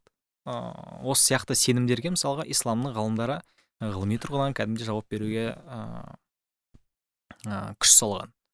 Осы сияқты мәселелер бар ақидада өтеді. Енді мен білмеймін бұл подкасттан ыыы тастау да керек маған мысалы жоқ. Мысалы мен маған мынандай келіп жатыр ә, бір моти- мотивациялық есімде емес қандай ма кітап болғанын бірақ мысалы кейбір буддизмнің заттарын әкелетін да. И мысалы маған өте көп. мысалы ол буддизм как будто бір ең хайповый бір мотивацияның ішіндегі ең бір сол иә хайптағы бір как будто Иә. дін сияқты себебі ана ішіндегі оларда ана реинкарнация дейді Иә. анау дейді мынау дейді мен айтатынмын е е мое не деп кетті мынау деп нормально хорошо же общались деп отырсың да иә нормально же сидели да да нормально сиделись ана. иә жоқ мәселе сода яғни екінші ыыы түрлері ол жаңағы анық кәдімгі адам сеніміне байланысты мәселелер. Ы, адамның дүниетанымын әртүрлі басқа діннің немесе жаңағыдай басқа бір діни ұстанымдардың негізінде атеизм негізінде түсіндіретін кітаптар оларды ы, мұсылман адамға қатардағы оқуға рұқсат етілмеген. Өйткені ода ыыы айталық оның ішіндегі тудырған күмәндарға жауап беріп отыратын несі жоқ? Фильтрі жоқ. Мхм. Мысалға егер де сен ә, бірінші айтып отырсыз ғой жаңағы бірінші ұстазбен отырып ақиданы оқыдық деп жатсыз ғой сосын барып жаңағыдай анау кітаппен ұшырастық деп. Ыыы егер де олай болмаған болатын болса адамның ойында бір кітапты оқу барысында жүз жиырма күмән жиналып қалған болуы мүмкін. Жүз жиырма кітаптың бар жүз жиырма күмәннің барлығына адам біріншіден жауап тауып үлгермеуі де мүмкін. Біреулері ойынан шығып қалуы мүмкін бірақ көңілде қалып қалды ғой сол күмәндар. Иә. ұстаздардан мысал ретінде ол бір тікелей үлкен ұстаздарға шығатын дос тобы болмауы мүмкін. Қасындағы жүрген бір екі имамнан сұраған кезде олар ол мәселемен таныс емес болуы мүмкін Иә. деген сияқты мәселелер бар ғой. И ол жүз жиырма күмән ішіндегі онның бір жауабын өйтіп бүйтіп бір нәрсе қылып табар бірақ қалған жүз онын не істейді ол. Жүректе шіріп қала береді. И ақыр соңында адам уже бара бара бара иманы әлсірей бастайды намазынан мән кете андай да бар бастайды. ғой еще жауап берілмеген сұрақтар қалады ғой. Иә. Гештальт дейді ғой гештальт болып қалып қалады ғой ол. иә оның үстіне ол гештальт болып қалады. Енді мәселе осы ғой. Осының барлығы жиналып қалғаннан кейін барып адам жүрегіне күмән басым болғаннан кейін барып адам уже намаздан мән, мән кете бастайды уағыздар әсер етпей мен қазір есіме түсті да мен кроличинарда ең есіме қатты қалған теория ол да андай болатын большие вопросы деген есіңізде ме? Мынандай болатын мынандай сөз болатын яғни кез келген говорят адам өмірінде ең бір үлкен сұраққа сұрақ іздеу керек деген сияқты. Сондай бір не болатын. Яғни әрбір великий там эйнштейн болсын ана болсын андай болсын. Бір сұраққа жауап іздеген дейді да. Иә. Вроде как дұрыс. Вроде как дұрыс айтылған сөз Иә. бірақ дұрыс емес контекстте түсінсең жаман да бұны мысалы сен енді иә енді қалай айтсам екен ым, біріншіден эйнштейндар кім жаңағындай бағанағы енді эйнштейн сияқты басқа да ғалымдардың бір бірлерімен ә, ғасырлар арасында пікірталасқандары келтіріледі ғой сол кітаптарда Мгм. мысалға жаңағыдай былай деп айтқан деп эйнштейн келіп ә, мысалға кім кімді айтады платонды ме жоқ платон емес платон емес ньютон біреу а Нью- ньютон ньютон ньютон ньютон ғой деймін сол мысалға құдайдың олай жасауы мүмкін емес деп айтқан уақытта жаңағы эйнштейн келіп «Е, сен құдайға не істеу керек екендігін айтпай ақ қой иә иә иә сол сияқты бір жаңағындай бір пікірталастар не келтіріліп жатады. Бірақ енді ыыы әлемнің пайда болуы өмірдің мәнісі ыыы адам өмірде не істеу керек деген сияқты мәселелерді ыыы мұсылман адам діннен алады. Иә. діннің фильтрінен өткізеді. Ыыы сен егер де дін маманы болатын болсаң саған ол әдебиеттермен танысуға болады. Ал егер сен дін маманы болмайтын болсаң ыыы сен возможно не осилишь. А вот менден Абик, иманыңды құтқара алмай қалуы иә, мүмкін мынандай сұрақ. Мысалы біз бағана ғылыми кітаптар бар дедік қой. Вот қазір ең ыыы жиі даже саморазвитие кітаптарында ең жиі қозғалатын нәрсе ол ыыы большой взрыв дейді да бәрі. Иә, Bang, big иә. bang theory дейді. Иә. даже вот мысалы біз талқылап отырған кітапта өте көп жазылған сол кітап көп жерде жазылады көп жерде иә. мен оқимын. бағанағы буддалық сияқты буддалық кітаптарда да иә. да и мен соңғы кезде байқағаным даже ислами кітап ислами исламдағы кісілер де оны талқылап жатады Иә. вот бұл сұрақ биг банг теория ешкім көрген жоқ былайша айтқанда Иә. көзбен ешкім көрмеді Иә, енді иә. құдай тағала болса болды болмаса болмады біз білмейміз бірақ бұл наным сенім мәселесіне кіре ма кірмей ма мысалы наным сенім мәселесіне кіреді. Кіреді иә? Ә, қараңыз мен ә, бұл сияқты мен өзім ә, асылы сол бір ә, зайырлы светский ортадан сол кітаптармен қайнап барып ә, дінге келген адам ретінде айтар едім. Ә, сен бұл сияқты теорияларды салыстырып көрем діндерді бір бірімен салыстырып көрем ә, болмаса анау бір ғылыми теорияларды мысал ретінде әлемнің пайда болуына байланысты дінмен байланыстырамын деген сияқты ұстанымдарды өте қатты сақ болуың керек. Мхм. Өте қауіпті мәселе. Мысалға пайғамбар саллаллаху айтады ә, адам ә, отқа түсіп кетуден ә, енді пайғамбарымыз айтады деп қоямын мен бұл хадистің сенімділік дәрежесін қарауым керек екен ә, адам отқа түсіп кетуден де қатты қорқу керек та асылы иманын жоғалтып алудан ше? Иә. өйткені ол иман нәзік мәселе. Бағанағы айтқандай сен келіп жатқан ақпараттың барлығы оған қауіп төндіруі мүмкін. Енді сен айтып жатқан ә, наным сен ұстанымдарың басқаларың ә, егер де тікелей иманға қайшы келіп жатса я болмаса қауіп төндіріп жатқан болатын болса ол сияқты тақырыптарды қозғаудан ә, сақтануың тиіс негізі. Мхм. Мысалға айтайық. Ә, бір кезде ә, адамдар кездеседі. Исламтанушы исламтанушы бірақ асли біз турос деп айтамыз исламда оны классикалық әдебиеттермен исламдағы таныс емес. Бағанағы тура мен сияқты светский кітаптарды көбірек оқыған діни кітаптарға қараған кезде. Көбіне шығыстанушылар сондай болатын сияқты менің иә ойымша. шығыстанушы болуы мүмкін ол дінтанушы болуы мүмкін ыыы немесе жаңағыдай тіпті исламтанушы да болуы мүмкін бірақ мысал ретінде оның жүрген ортасына құндылықтарына қасындағы достары мен ұстаздарына көп байланысты ғой. Мхм. Сондықтан адамға кей уақытта жаңағыдай бір дінді жеңілірек жеткіземін деп сенім мәселелерінде осы сияқты теорияларды басқаларды қозғап кеткен кездерде ә, кездеседі. Менің ұғымымда бұл өте қауіпті мәселе. Өйткені ә, биг бенд сен айтып жатсың я болмаса сен басқа нәрселер айтып жатсың біреулер тіпті анау анау жаңағыдай аспан үнемі кеңейіп жатыр деген мәселемен черная дыра дейді ол нәрсені жаңағыдай бір негіздеп жатады иә. Оның барлығы қарапайым қатардағы мұсылман үшін керек па? Иә. менің ойымша ол ыыы керісінше оның күмәндарын күшейте беретін сияқты. Сен оны ы жаңа күмәндар алаңына тастап жатсың да. Ол мәселені актуалдандыру арқылы. Ол мысалға ә, үйіне барған соң биг бен иә не туралы мысалы черные дыры басқа туралы документальный фильмдер көреді басқалар болады. Сен білуің керексің да пәтуа ә, пәтуа ғана емес жалпы дін жеткізген уақытта сенен кейінгі шыққан адам қай ақпараттық алаңға барады? Ол нәрсені арты неге алып барады? Сен соны ескеруің керексің міндетті түрде.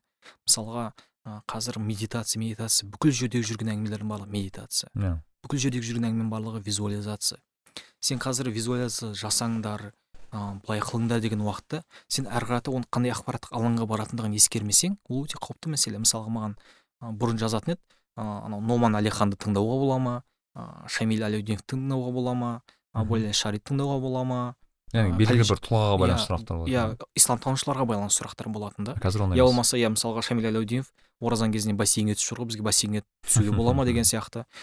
Кейбір жігіттер пайда болды қазір маған. Сидхарта бір нәрседе былай деп айтқан оны ыыы мынау айтқан сөзі дұрыс па деген сияқты ше? Түсініп жатсыз ба? мәселе Иә, қалай иә, жатыр? иә, медитация деген? Медитация деп анау жаңағыдай ютубқа бір жерге енгізген соң оған рекомендацияға медитацияға байланысты темалар шығады. Бір үндістің бір көре салады. аты кім еді бір өте бір знаменитый бір кісі бар ғой ыыы, иә мен сол аттарын айтпай ақ қояйық бірақ өте сондай бір иә сондай бір кісілер бар. енді мәселе осыда ғой. Уже оның барлығын тыңдап болғаннан кейін барып адамның жүрегінде сұрақ туындай бастайды күмән туындай бастайды. Оның барлығымен мысал ретінде уже күмәндарын күшейте түседі да. Өте бір қызық жағдайдамыз ше? Дәл қазіргі уақытта бізде қазақстандағы бір мұсылмандарға байланысты бірден бір өзекті мәселе ыыы діндегі саналы иман мәселе иманды қалыптастыру мәселесі да яғни сен айталық ыыы ля иляха илlallah мұхаммад расулалла деу арқылы мұсылман боласың. Тамам жарайды. Бірақ сен ля иляха илlallah мұхаммад расулалла екендігін өзіңе дәлелдеп алуың керексің бірінші. Мхм. Егер де сен өзіңе дәлелдеп алмаған болатын болсаң сен жай ғана біреуге жаңағыдай бір эмоциямен басқамен еріп намазға келген болатын болсаң ұзаққа шыдамайсың ғой былайша айтқанда көпке бармауың мүмкін Иә. көпке бармауың мүмкін.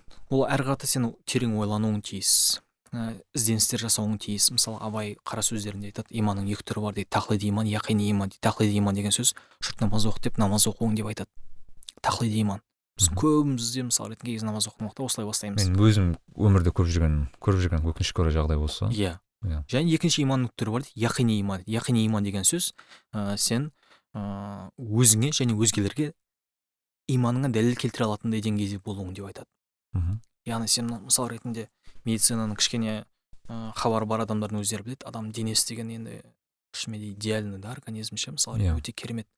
Осы сияқты мәселелердің барлығы мысалы ретінде бір әлемнің құрылысы бүкіл нәрсенің соншалықты идеальный болуы бүкіл нәрсенің белгілі бір ә, жүйемен жаратылуы мысал ретінде біреулер айтып жатады ғой бір жаңағыдай бір сәйкестік бұл бір случайностьтан пайда болған нәрселер деген сияқты ше. Случайностьтан пайда болған болатын болса сенің жүрегің аяғыңда емес қой. Иә. сенің жүрегің де кеудеңде менің де жүрегім кеудемде. Сенің де екі қасың бар менің де екі қасым бар. Сенің қасыңның өсуімен мен мен қасымның өсуі бірдей. Егер де случайностьқа құрылған болатын болса медицина в принципе болмау керек еді математика болмау керек еді. Иә. гармония болмау керек еді да өйткені случайностьтың үстіне гармония құрылмайды ешқашан. Иә. осы сияқты мәселе мынау әлемнің жаратушысыз емес екендігіне алып келеді да. Мхм. И бүкіл жүйенің бір, бүкіл жерде бірдей болуы макромер мен микромердің жаңағы құрылыс құрыл- құрыл- а, құрылыста а, құрылымдарының бірдей болуы бүкіл нәрсені жаратқан құдайдың бір екендігіне алып келеді. Бар екендігіне көз жеткіздіңіз енді бір екендігіне көз жеткіздіңіз да. Мысалға мерседес бенс даже егер знагын алып тастаса да сен білесің ғой мерседес бенс екендігін. Дұрыс па? Иә. өйткені оны жасап отқан мерседес бенс и оның ортақ бір стилі бар бір мықты бір художник бар и ол художниктің жұмысына қараған уақытта сен түсінесің а мынаны жасаған мінекей пәленше ғой деген сияқты. Өйткені оның өзінің бір почеркі қолын көріп тұрсың ғой былайша айтқанда почеркі болады. Тура сол сияқты әлемде әлемге де қарап адам почеркін көре алады. Ал былайша айтқан кезде енді бір ауыспалы мағынасында ары қарата біз илон маскты мысалы ретінде не үшін мықты дейміз? Өйткені оның басы жетіп тұр да осындай мәселелерге анау ракетаны ұшырып қайтадан қондыруға ше. Иә. демек ол ә, білімді білдіреді да. Бізде әлемге қарап небір одан да күрделірек нәрселер бар. Сен соған қарап құдай тағаланың білімді екендігін түсіне аласың. Мхм. Ә, оның барлығын жасауға үлкен күш керек сен сол арқылы оның күшті екендігін құдіретті екендігін түсіне аласың. И осы сияқты мәселе бұл жай ғана құдайды тану мәселесі. Иә. ары қарата иман алты шарты бар ғой. Құдайды Иә. құдайға иманнан кейін періштелерге иман бар кітаптарға иман бар. Ә, пайғамбарларға иман бар жақсылық пен жамандықтың құдай тағаладан екендігіне одан басқа ешқандай күш құдіреттің жоқ екендігіне иман дуализмнің өтірік екендігіне мысал ретінде. Және де ақыреттің болатындығына бір логический конец болатындығына мынаның барлығына. Және де ә, осы сияқты мәселелердің барлығына сен иманыңды күшейтіп алған уақытта саналы түрде келген уақытында ә, кәдімгі яқини иманға келесің. Осы мәселені жұмыс қой кәдімгідей ол үлкен кәдімгідей бір ізденіс талап етеді. Сен өзіңнің дініңе жаның ашқан болатын болса осы бағытта ізденіс жасауың керек. Егер осы бағыттағы жұмыс ізденіс жасамаған болатын болсаң сен керісінше м, оның орнына жаңағыдай биг бенді зерттеп я болма ә, биг биг бен деп отырмын ғой бағанадан бері. Иә қысқасын айтқан кезде осы сияқты мәселелерді зерттеп сен ана бір медитацияның ішіне кіріп басқа қылып жүрген уақыттарында сен иманың мына жақта бір бағанағы анау бір ыыы сылбыр әлсіз ыыы шәк дейді ғой былайша иә айтқанда шәктерге толы жүрегі күмәнға толы күйінде иманың қалып кете берген болатын болса ары қарата сен уже ыыы шын қысылған уақыттарыңда иманың емес әрекетке көшетін ше Иә. рульді иманың жоғалтып алуы мүмкін егер иманың әлсіз болатын болса ол кезде рульді басқа нәрселер алып кетуі мүмкін да сен шын ашуланған уақыттарыңда иманың мықты болатын болса біреу саған алланы еске салған кезде иманың рульді ұстап алады да ары дұрыс жағына қарай бұрып кетеді Мхм. ең стрессовый ситуация адамның жанын тәсілім ету сәті ғой Иә.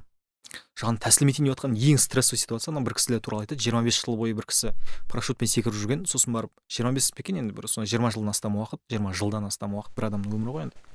И соған бір ыыы парашюттың екі түрі болады екен солақай оңақай деген ше. Мхм. Ыыы кольцосын тартатын. Соған енді сен жиырма жылдан бері секіріп жүрсің ғой құрысын ештеңе қылмас деп анау солақайға арналған нені беріп жүрген ғой? Параш- парашютты өзі біледі дейді көрген кәдімгі не алған и сол кісі жерге парашют ашылмай тікелей түскен ғой. Сосын барып қараса ана кісі оңақайға арналған жақтағы белдеушені тырнап тырнап тырнап қолын барлық қызыл ала қаңылған жыртып тастаған дейді да. Ұмытып кеткен ғой анау екінші жағында екендігін ше стресс та ол. Ол адамның өлім сәтінде сондай? И сенің бағанағы иманың шынымен де күшті болмайтын болса сенің небір стрессі үлкен ситуацияларда сенің рөлді өзіне алып кететіндей деңгейде болмайтын болса сен өлім а, жаның тәсілім ететін уақыттың өзінде сен мұсылманша ля иляха илlalла мұхаммад расулалланы айтып кететіндігіңе мхм. Сен уайымдауың керексің да. Сенде осындай үлкен мәселелер бар. Сен осының барлығын мысалы ретінде мұсылманшылық тұрғысынан зерттеп қарауың керексің ізденуің керексің иманды күшейтуің керексің. Бірақ олардың барлығын жасамастан сен жаңағыдай бір сырттың басқа діннің практикаларына басқаларына жүгініп мысалы ретінде сосын барып олардың бір уағызшыларын қарап басқа қылып сенде енді өмір қысқа асылы. Мен қазір мысалы сіздің айтқан сөзіңізге қатты ойланып кеттім да мысалы ыыы айтып отырсыз ғой адам іздену керек бағанағы ойлану керек. Бірақ сіз айтып жатқан заттың бәрі мысалы адам өзінің генетикасын зерттейді мысалы мысалға айтайық мысалы өзінің денесін зерттей бастайды әлем құрылысын зерттей бастайды. И анау аяттағыдай деп тұр ғой иә яғни сен бұл әлемде не көріп тұрсың бір? Қалай дейді иә алла тағаланың қайбір қайбір белгілерін жоққа шығарып шығарып отырсың. Яғни сен, сен сондай бір сұрақ пайда болу керек та мен сенде. Вау. Американецтер о май гад деп мысалы. Қалай деген сияқты сондай бір әсерде болсаң сен болды дейсің. Иә енді ол, ол үшін просто бірінші ислам призмасын қалыптастыру керексің да. Бұның барлығын алла жаратты деген. Өйткені мысалға сен қазіргі уақытта ғылыми әдебиеттерді өздігінен оқыған уақытта сен призма қалыптастыра тұрып оқыған болатын болсаң олардың барлығы байқайсың. Ғалыммын деген адамдардың өздері белгілі бір призма аясында бір эволюция теориясының аясында ғана қарастырады көп жағдайда. Ал сен оның барлығына әлемнің әлемге ислам көзімен құдай тағаланың бар бір көзімен қарай алуың керексің да.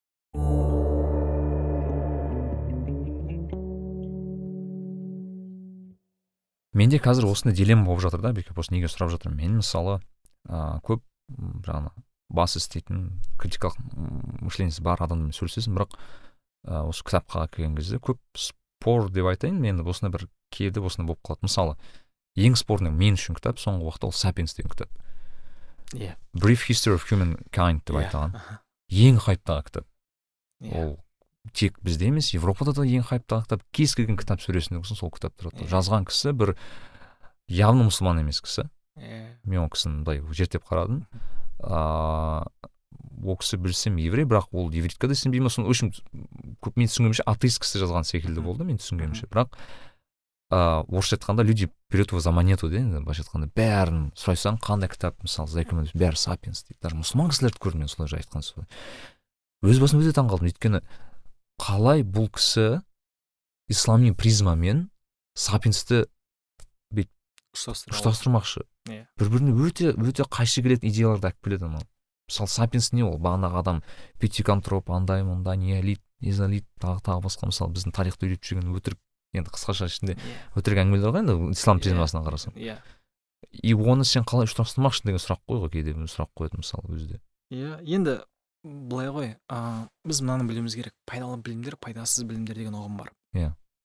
Ыыы мысалға вроде бы білім знание жақсы нәрсе и жүз пайыз мысал ретінде қолданатын нәрсе қол, қолдайтын нәрсе ислам. Ә, мысалға пайғамбарымызға мынаны сұра деп ешқашан ә, көп нәрселер айтпаған. Ә, бірақ білімді сұра деп айтқан да. Білімді арттыр деп сұра деп пайғамбардың айтқан. Ол сондай шынымен де бізде білімге өте қатты көп көңіл бөлінеді. Тіпті бір қосымша намаздарға қараған кезде ә, адамның білім ізденуі приоритетнее саналады. Мм. Яғни мысалы мен бір білмеймін бір духа намазынан гөрі кітап оқыған артық иә иә осы сияқты. Енді мәселе қалай? Үм... пайғамбарымыз осының барлығына қарамастан е алла мені пайдасыз білімнен сақта деп айтқан да. Мхм. То есть бывают знания которые вредят. Иә. Адамға зиян тиетін білімдер де бар да. И осы зиян тиетін білімдерден сақтану біздің бірден бір міндетіміз. Айталық ыыы инфожирение деген бар бізде мысалға қазір. Инфожирение деген сөз сен ә, бір бағытта оқи бересің оқи бересің оқи бересің оқи бересің сен күшті бір сілтемелер басқалар беруі мүмкінсің бірақ сен нөл практика. Сен бизнес туралы жүз кітап оқыған болуы мүмкінсің бірақ сен бизнес ашпайсың да. Ол білім саған пайдалы болды ма? Ол білім саған пайдасын тигізген жоқ. Ол пайдасыз білім амал әрекетке аспаған білім. Біреу мысал ретінде ана ислам шариғатын керемет тереңнен зерттеуі мүмкін. Дәлелдерді талдап хан, ханафида ә, ханафи масхабының ішіндегі шафиғи масхабымен салыстырып хадис әдіснамасын не қылдырып басқа қылып қағидалар шығарып сөйтіп жүруі мүмкін бірақ өзі әрекет етпейтін болса өзі намаз оқымайтын адам болатын болса ол білімнің оған пайда тиді ма ол білім оны пайдаға алып келе алған жоқ. Құдай тағалаға алып келе алмаған болатын болса ислам приз, призмасымен қараған кезде ол білім сен үшін пайдалы білім емес. Иә. Бір білімнің пайдалы немесе пайдасыз болуы шариғат тұрғысынан қараған кезде құдай тағалаға жақындатып жақындатпауымен өлшенеді а яғни қараңыз былай дұрыс түсіндім ба сіз мысалы менде сондай дилемма болатын. Ыыы пайдасыз пайдалы білімнің армашылығы не деген? Мхм. Менің түсінгенімше сіздің аузыңыздан қазір айтқан сөздеріңізден ыыы пайдалы білім аллаға жақындатады. Иә. Пайдасыз білім алыстатады. Иә шариғат мұсылманшылық көзқарасымен әлемге қараған уақытта кез келген кітап. Иә солай. Мысал ретінде ыыы сенің ыыы дискавери көріп отырсың мысалға. Мхм дискаверида мысал ретінде бағана айтқандай адамның денесінде жаңағыдай қан таралу жүйесін мысал ретінде қан тамыр жүйесін туралы айтып жатыр. И бұл нәрсе саған қарап отырып ой салды. Мәссаған алла неткен шебері деген ой салды да. Бұл сені аллаға жақындатты ма? Жақындатты. Сол үшін ислам ғалымдары тек қана шариғатты ғалымдар ғана болмаған. Густав лебон деген кісі бар. Өзі асылымен мұсылман емес менің білуімше бір шығыстанушы сондай кісі болу керек. Бірақ ә, осы бір әлемге араб мәдениетінің алып келген әсері туралы үлкен кейбір мәселелер жазады. Соның бірінде былай айтады. Ә, испанияда сол жақтың корольдері шапан киетін еді деп айтады. Шапан? Иә қазір мысалы әлемнің барлығы костюм шалбар киеді ғой. Мхм. Тура сол сияқты ол кездің жаңағыдай адамдары авторитетный көріну үшін ыыы шапан киген дейді. Қазір мысал ретінде әлемді әлемдегі ең локомотив мәдениет мысал ретінде енді бірден бір мәдениет деп айтайық. Асылы біз үшін ғана сөйтіп көрінеді екен кей кезде байқағаным әлемнің барлығы үшін емес европа ше жаңағыдай бір ә, не все молятся на европу.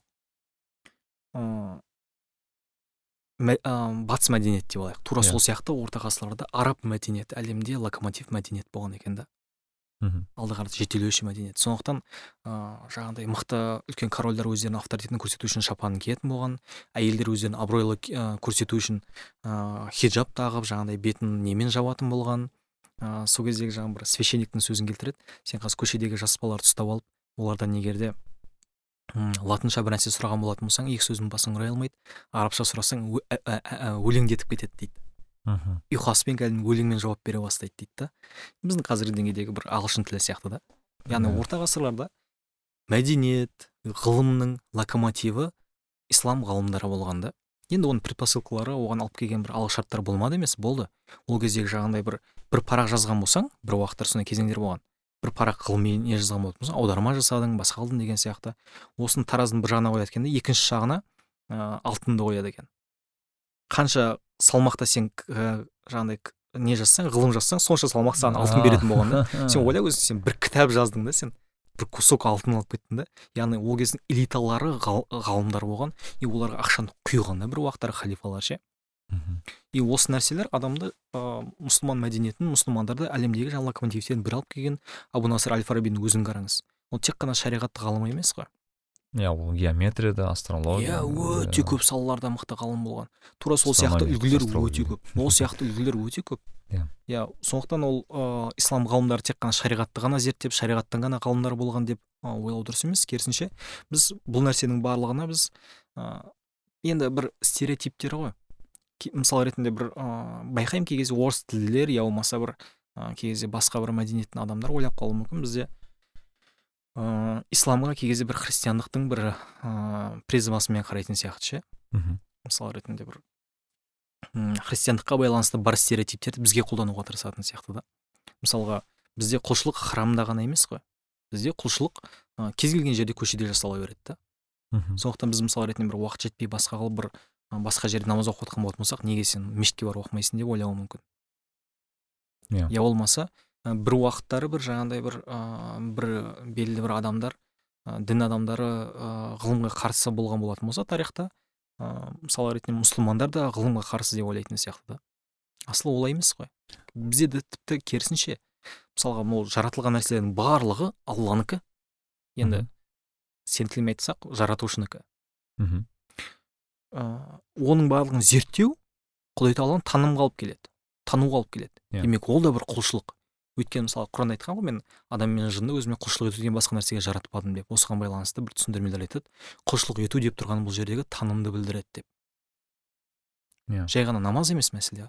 Тікелей физикалық құлшылық емес құдай тағаланы тануға деген талпыныстар әрекеттерің сен құдай тағалаға деген құлшылығың сияқты. Мысалға ә, мен сізге жаққым келді делік. Иә например мен нарикбиге жаққым келді.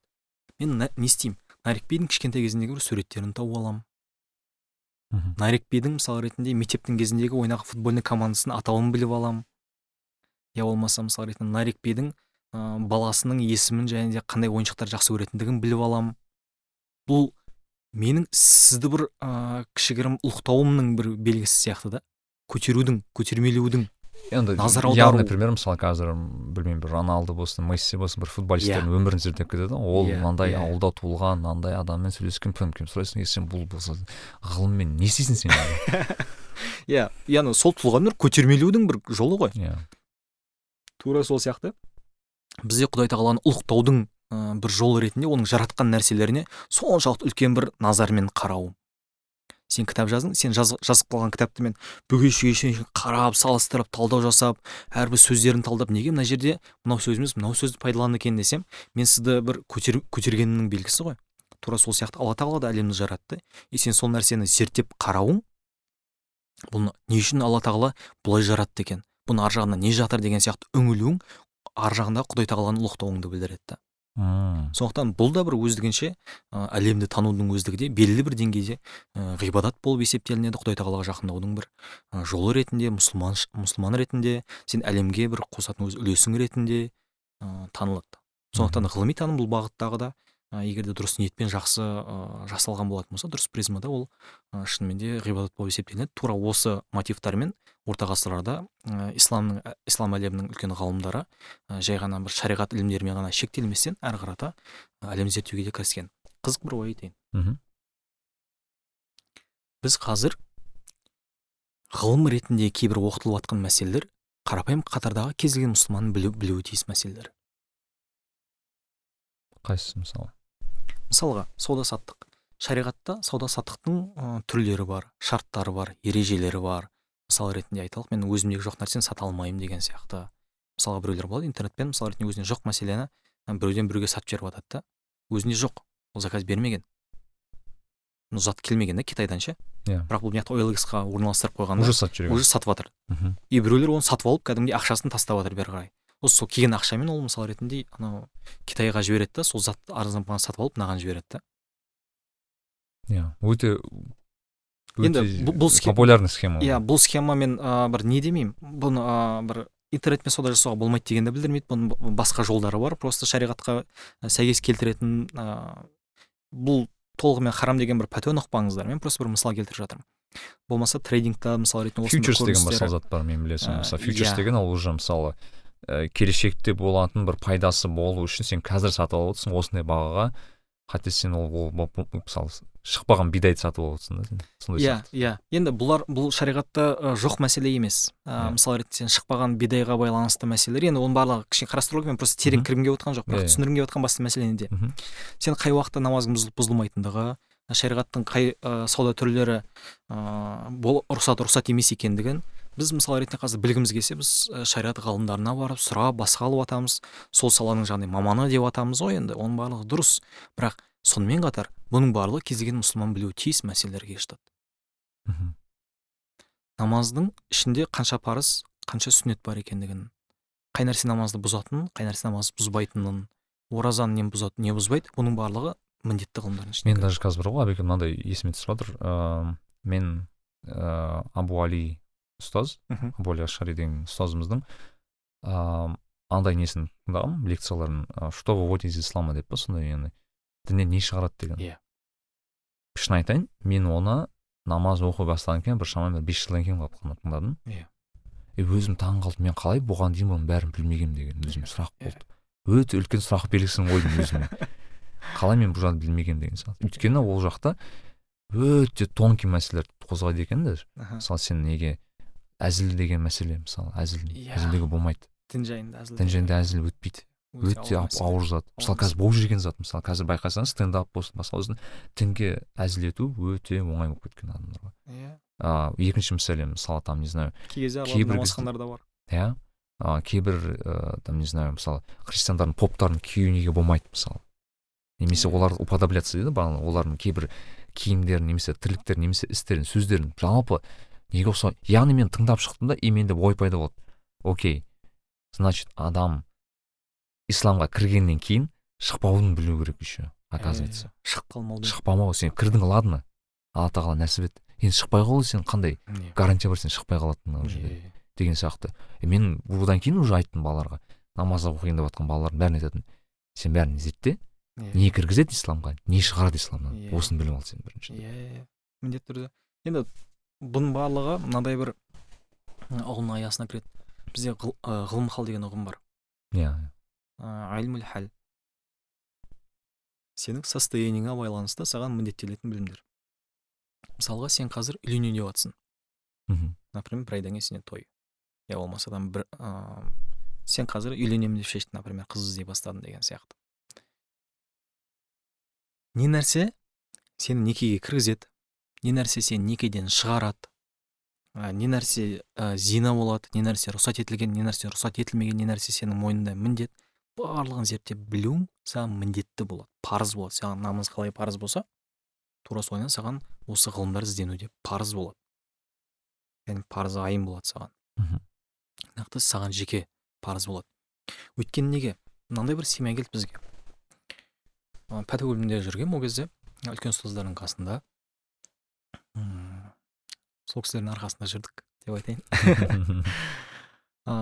сол уақытта бір семья келді сенесіз ба күйеуі мен әйелінің арасына тоғыз талақ түскен ғой елуден асып кеткен кісілер немерелері бар екеулері білесіз ғой шариғатта үш талақтан кейін қайтып қосылуға рұқсат емес әйел мен күйеуіне. Иә. Yeah. ол үшін әйел басқа біреуге тұрмысқа шығу керек сосын барып одан қайту керек өз еркімен қайту керек. Ана кісі өз еркімен жаңағыдай босатқан болуы керек. Мхм. Қандай үлкен мәселелер. Оған дейін олай жасамайынша екеуі қайтадан қосыла алмайды. Үш талақтан кейін. Бұл кісілерге тоғыз талақ түскен. Бұл не болды дейсің одан кейін? Иә. Ол жерде біз енді мейлінше мысал ретінде бір жаңағыдай неке дін мәселесінде мейлінше семьяны сақтап қалуға тырысасың ғой. Ал бірақ кейбір адамдар мысал ретінде мүлдем вариант қалдырмайды да. Немесе мындай бір екінші жағдай кездесті. Бір кісі әйеліне смс пен саған талақ бердім деп жазып жіберген енді білетін шығарсыз бізде исламдағы талақтың мәселесін неке мәселесін бізде сөздің қадірі ауыр өте ауыр. Мхм. Сен сөзіңмен қазір бір кісімен некеге тұрасың сөзіңмен бір кісімен ажырасып кетесің. Сөзіңмен дінге кіресің? Діннен шығасың. Сөзіңмен дінге кіресің сөзіңмен діннен шығасың мысалға. Жаңағыдай әйеліне сен талақсың деп жазып жіберген ғой немен? Смс пен. Маған енді смс пен талақ бермейтін шығарсың деген ғой сонымен голосовоймен жазып жіберген ғой. Енді голосовоймен талақ түспейтін шығар деген кезде звондағанда тағы да айтқан ғой. Үш рет айтқан ғой сосын барып тағы да кездескен кезде айтқан ба сондай. Әрқайсысы бөлек бөлек талақ болып есептелінеді. Сонда ол кісіде уже қайтып қосылуға ешқандай вариант жоқ та тек қана әйелі басқа біреуге тұрмысқа шығып босаған болуы тиіс та. Ер адам ер адамға салынатын жауапкершілік салмақ өте жоғары әсіресе сөз мәселесінде осы семья мәселесінде. Ер адамға ғана емес әйел адамға да солайынан и бұл уже ыыы бұрынғы мысалға еркек деген мәселелер бар ғой. Не үшін мысалға ерлер аз сөйлеген салмақты болған бір нәрсе айтқан болса кесіп түсетін болған да. Біз қазір не айтпай жатырмық құдай иә. Шыны керек. И осы сияқты мәселелерге бірден бір бәлкім себеп болған нәрсе шариғат болған болуы мүмкін. Өйткені сен уже бағанағы сияқты мәселелерді көріп отқаннан кейін көзіңмен келесі сен, сен сөзіңе абай боласың да. Әйеліңе қарап таңырап мен сенімен ажырасамын деген сияқты сөздер айтпайсың да. Мхм. Иә әрине.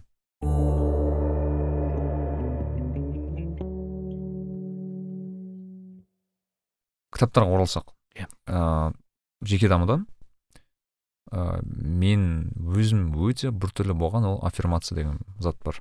Иә. Мен шын айтсам ә, бұл мәселеде талай адаммен жағастасып жа, не болған адаммын. Себебі мен бұған сенбеймін шын айтайын. Сразу айттым бұл біртүрлі. Маған ә, жеке өзімнің ыыы не дейді андай болмысыма қатты бір қайшы және де мне кажется деп айтатын мынау дінге де че то дұрыс емес сияқты көрінді жеке өзіме. Бірақ мен ешқашан бір бір имамның соны ашықтан ашық бүйтіп түсіндірген көрмедім. Көрмеген де мүмкін іздемеген де шығармын. Таппадым былайша айтқанда өзім дұрыс.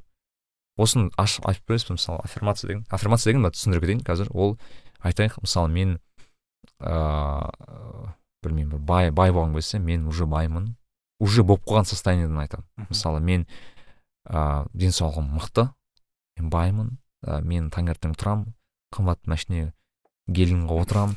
Тағы тағы осындай өзіңе сендіресің. Отырдым. Отырдым. Яғни уже от состояниенің ішіндегі иә. яғни сен болған сияқтығы ыыы талқылайсың да? Иә. осы қаншалықты дұрыс мен просто? Ғылыми тұрғыдан талқылаймыз ба діни ма? Білмеймін. Осы Давай- давайте я бір Давайте бір ортасынан бір кішкене. Енді қатты бір бұған бір жарты сағатты ыыы арнамайық. Мгм. бір қысқаша ы, шолып өтсек ыыы бәлкім жеткілікті шығар. Мхм. Аффирмация не нәрсе? Аффирмация деген ыыы давайте шариғи тұрғыдан қарайық. Иә. бірінші шариғи тұрғыдан қарайық. Шариғи тұрғыдан мысал ретінде адам кейбір сөздерді қайталауы мүмкін. Мысалға бізде тәспі деген бар. Ыыы ля иляха илlallah мұхаммад расулулла алладан басқа тәңір жоқ мұхаммед оның елшісі қайталап отырасың жүз рет қайталайсың мысалы ля иляха илlallah мұхаммад расулулла деген сияқты. Я болмаса сен субханалла деп қайталайсың. Алла кемшілік атаулыдан ада пәк деген. Субханалла субханалла субханалла субханалла субханалла субханалла сосын барып альхамдулилланы қайталайсың альхамдулилля альхамдулилля альхамдулилля альхамдулилля альхамдулилля бұлардың барлығы біріншіден алла тағаланы ұлықтауды білдірсе екінші жағынан біздің көңілімізді тазартады. Иә. біздің көңілімізді тазартады. Көңілге белгілі бір ойды орнықтыруға көмектеседі. Адамның бір нәрсені ақылмен түсінуі мен көңілінің сол мәселеге байланысты орнығуы екі түрлі бөлек мәселе. Мхм. Мысалға емтихан. Ә, сен бір ә, курсқа қатысып жатсың ә, болмаса университет оқып жатсың екінші курссың сен білесің ертең новый годта ә, жаңа жылдың кезінде емтихан болатындығын бұл пәндер бойынша. Бірақ сен не істейсің қазір? Төрт ай уақытың бар болатын болса кімді көрдіңіз? Төрт ай бұрын дайындалып тастаған. Мысалға ол ыыы қыдырып жүруі мүмкін басқа қылуы мүмкін ойынан мүлдем шығып қалады ол оны білмейді емес. Ертең емтихан болатындығын жоққа шығарады емес. Ол жай ғана көңілі ыыы көңілінде ол нәрсе өзекті болмай тұр деп айтайын. Иә иә. Сондықтан өзінің көңіліне өзектілікті арттыру үшін ем, ыыы, жұмыс қалың келмесе емтиханға дайындал жұмыс қалың келмесе емтиханға дайындал. Емтихан жақын емтихан жақын емтихан жақын деп өзіне үнемі айта беру арқылы мысал ретінде көңілін сол нәрсеге байланысты орнықтыруы өзіне өзекті етуі мүмкін. Иә. мысалға. Я болмаса ә, мен сыртта жүрмін әкеммен көп хабарласпаймыз ыыы бірақ ыыы әкем мысал ретінде мені мақтан тұтатындығын айтты. И мына жерде жүріп әртүрлі бір туыстарымның қысымымен әртүрлі бір материалдық жағдаймен басқамен көңілім түсіп жүр осы уақытта мен өз өзімді ә, жігерлендіру үшін мен әкем мақтан тұтады. Мен әкем мақтан тұтады деп айтып жүрген болатын болса маған белгілі бір күш беруі мүмкін да иә. Бұл сияқты мәселелерді біз жоққа шығара аламыз ба? Жоққа шығара алмаймыз. Мхм. бірақ мәселе қай кезде туындайды? Адам өтірік айта бастаған кезде туындайды. А. ғылыми тұрғыдан егер де адамда жоқ нәрсені өзіне аффирмациялау айта бастаған болатын болса ішкі жанұясы қарсы шығады дейді. Яғни мысалы внутренний конфликт конфликт иә иә. Яғни мысал ретінде мен қазір успешный емеспін. Мен білем успешный емес екенімді. Мен айлығым отыз бес мың теңге. Қаяқтағы успешный? Мен айтамын өзіме. Мен успешныймын ә, мен успешныймын мен успешныймын. Сен қандай успешный сен мен успешныймын деген сайын сен ішкі жан дүниең айғайлап жатыр ғой қаяқтағы успешный біз қазір обедте не жейміз деп жатыр ғой дұрыс па? Иә. бұл нәрсе ішкі қайшылық туындатады деп айтқан ғалымдар. Ғылыми зерттеулер бар осыған байланысты кішкене қарап көрсеңіз болады сізден. Бұл сияқты мәселелер әлбе, әлбетте ә, енді білмеймін қаншалықты деңгейде орынды қаншалықты деңгейде орынсыз екендігін оның пәтуасын бөлек қарау керек шығар. Пәтуа жалпы жеке ә, ситуацияға байланысты жеке адамның айтатын сөздеріне байланысты специфика керек халіне байланысты айтылғаны дұрысырақ шығар. Ол кісінің жаңағы исламға байланысты шариғатқа байланысты білемін қаншалық деңгейде өзі жалпы намаз оқи ма өзі деген сияқты. Мхм. деңгейіне қарай айтылған дұрысырақ болуы мүмкін. Үшінші мәселе адамның бар нәрсеге байланысты ыыы дұға еткен уақытта мысал ретінде адам көңілін ә, сенімділігін қалыптастыруы тиіс. Мысалға мен қазір алла тағаладан сұрайтын болсам е алла ә, бізге жаңбыр жібере көр я болмаса е алла тағалам ә, маған кешке қарай ә, жақсы жерден ә, тамақтануымды нәсіп етші деген сияқты. Я болмаса мысал ретінде е алла бір қаз- қазымен бір ә, сорпа ішкім келіп отыр деген сияқты мысал ретінде. Иә. Енді бір біз кей кезде майда нәрселерді сұрауға ұяламыз асыл негізі дұрыс емес өйткені. И так та онсыз да сен үлкенді кіші нәрсенің барлығын алла тағала беріп тұр. Сен алла тағаладан сұрауың. Алла тағалаға қиын емес. И алла тағала не үшін мындай майда нәрселерді мен үшін менен сұрап жатрсың демейді керісінше сұра деп айтады. Пайғамбарымыздың өзі айтқан бауларың үзіліп қалса бау нәсіп етші алла деп сұрау керек деп айтады. Мхм. Алладан сұрамасаң ашуланады керісінше сен алладан сұрауың керексің. Сен қасыңда мысал ретінде үлкен бір ағаң бар бір туысқан ағаларың болады ғой. Келіп бүйтіп бір бай нелер жіппен түсіп қалған нәрсенің бәрін сатып алып беретін ше? Иә. сатып алып бере салатын сен мысалы мороженое жеген келіп тұрса ай ей жүрсейші деп жібін отырғызып алып бір жерге қыдыртып алып кетіп жаңағыдай мороженое алып беріп ары қарата тағы да сен вата жейсің может быть бір ойыншық алып бере салады деген сияқты. Алла та өйткені ол да баршылық та. И алла тағала то же самое баршылық та. Енді алла тағалаға енді ең үлкен ы, мысалдар тән. Бірақ соның өзінде сен алла тағаладан сұрауың ұят емес. Мхм. и алла тағаладан осы сияқты нәрселерді сұраған уақытта сен сенімді болуың тиіс оның беретініне. Анық. Шарты. Деп айтады. Алла тағалаға дұға еткен уақытта сендер оны қабыл ететіндігіне сенімді күйде дұға етулерің керек деп айтады да. И осы сенімділікті қалыптастыру үшін сен мысал ретінде ыыы сенімділікке кедергі келтіретін мәселелер болуы мүмкін. Сен самооценкаң мхм. Немесе төмен басқа? болса сен иә мысал ретінде сен самооценкаң төмен болған болатын болса мен саған келіп айтсам егер алла тағаланың қаласа саған ыыы бір жылдың ішінде камри жетпіс бес мінгізе салады деп айтатын болсам мысал ретінде сен сенімділігің өзіңе самооценкаң өте төмен. Сен өзгерістерді жақсы көрмейсің. Сен бір жұмыстың мида шектеу бар ғой шектеулер бар деп айтайық иә мысал ретінде. Осы сияқты шектеулеріңді жеңу үшін аффирмацияның бір кейбір рұқсат етілген түрлерін мысал ретінде пайдаланған болатын болсаң ол саған кедергі келтіреді деп айту да қиын. Өйткені аффирмация ұғымының ішіне кейбір сөздер кіріп кетуі мүмкін. Мхм бірақ сен оны аффирмация деп жасамайсың да. Иә. Түсіндіре алдым ба? Иә иә. Сондықтан ыыы алла тағала ыыы жомарт алла тағала кең. Иә болмаса. Аллаға ол қиын емес. Алла маған береді. Иншалла береді мен түсінгенімше енді қысқаша бүйтіп түйіндесек иә. ыыы аффирмация ол ыыы енді классический бағана батыс әдебиеттегі аффир- аффирмация негізінен дұрыс емес менің ойымша. Өйткені ол кісілердің мен мен оқыған кітаптардың көбінде Иә. ол жоқ затқа көбінесе жасайды иә да. аха. Сенде машине ж- бар мхм. деп айт. Мхм. Машинем күшті гелін айдап жүрмін бірақ сенде автобуспен жүрсің да сен қазір. Менің машинем бар деп айт ну как то странно сен айтып тұрмын менде любой адамда Иә. ішкі конфликт болады. Иә. бірақ басқа зат ол шектеуді алып тастау деген уже аффирмацияға қаншалықты кіру кірмеу жағын айтамын. Мысалы алла Иә. тағала мысалы саған бере алады мхм бірақ сен оны аффирмацияға мысалы дұғаға ауыстыра аласың мысалы деген сияқты. Иә мен сол айтатыным. Енді ыыы менде осы бір батыстық әдебиеттерді бір ерте жастан оқығанымен басқа қылғанымен де дегенмен де мен енді көбінше сол мәдениеттен келген адаммын ғой дегенмен де дегенмен де. Мен бұл сияқты мәселелерге кішкене ұнатпаймын. Иә. неге біз исламдағы визуализация деп айтуымыз керек. Неге біз исламдағы аффирмация ол тәспе деп айтуымыз керек. Не үшін ол ұғымдар? Мхм. Сен армандау де. Иә. сен сұрау де. Ы, сен дұға ету де. Не үшін сен осыларды пайдаланбайсың? Сен неге тафаккур деп пайдаланбайсың? Сен аласың да. Почему-то Исламдағы қазір ана карта желаний деген зат есіме түсіп кетті. Карта желаний деген бар ғой қазір карта желаний Иә. Әсіресе әйел адамдардың ішінде. Бір нәрсе жасасам мы біз қазір карта желаний жасаймыз мүмкін жақсы жақсы зат шығар мен сынап жатқан жоқ просто ы, осыған ұқсап кетеді екен негізі егер мысалы менің ойымша былай да ыыы егер карта желаний дұғаға ауысса Иә. Иә. действительно дұғаға ауысса Иә. сұрауға сен Иә. бағана мидағы шектеуін ауысса ол жақсы зат Иә. менің ойымша иә А, енді иә енді мысал ретінде бір психотерапевттар мысал ретінде бір установкалар жұмыс жасап жатса мен түсінемін. Ә, мынау сөзді сен көбірек қайтала сен сол кезде мынаған байланысты былай жасай аласың деп бір мұсылман ғалым мысал ретінде бір психологтар бар ғой мұсылман психологтар деген сияқты. Осы сияқты бір қолданыстар болып жатса деген сияқты шекаралардың бекітіліп жатса бір мамандар айтып жатса ладно мамандар айтып жатса мамандар айтып жатыр дейсің. Мгм. бірақ біздегі көп жүрген медитацияның мен гипноз екендігін байқаймын ше. Мхм. сен гипнозды қалай халыққа жаса деп айта саласың оп оңай өте Қалай? бір бір щепетильный сұрақ сияқты подсознаниемен жұмыс подсознаниемен жұмыс істеген ше? М, ол ондай оңай шаруа емес негізі. Мхм. мен енді күрделі тақырып иә былай қарасаң. Мен өйткені мен мысалы даже вот бағанағы айтты басында қозғаған тақырып джон кехоның кітабы подсознание Мгм.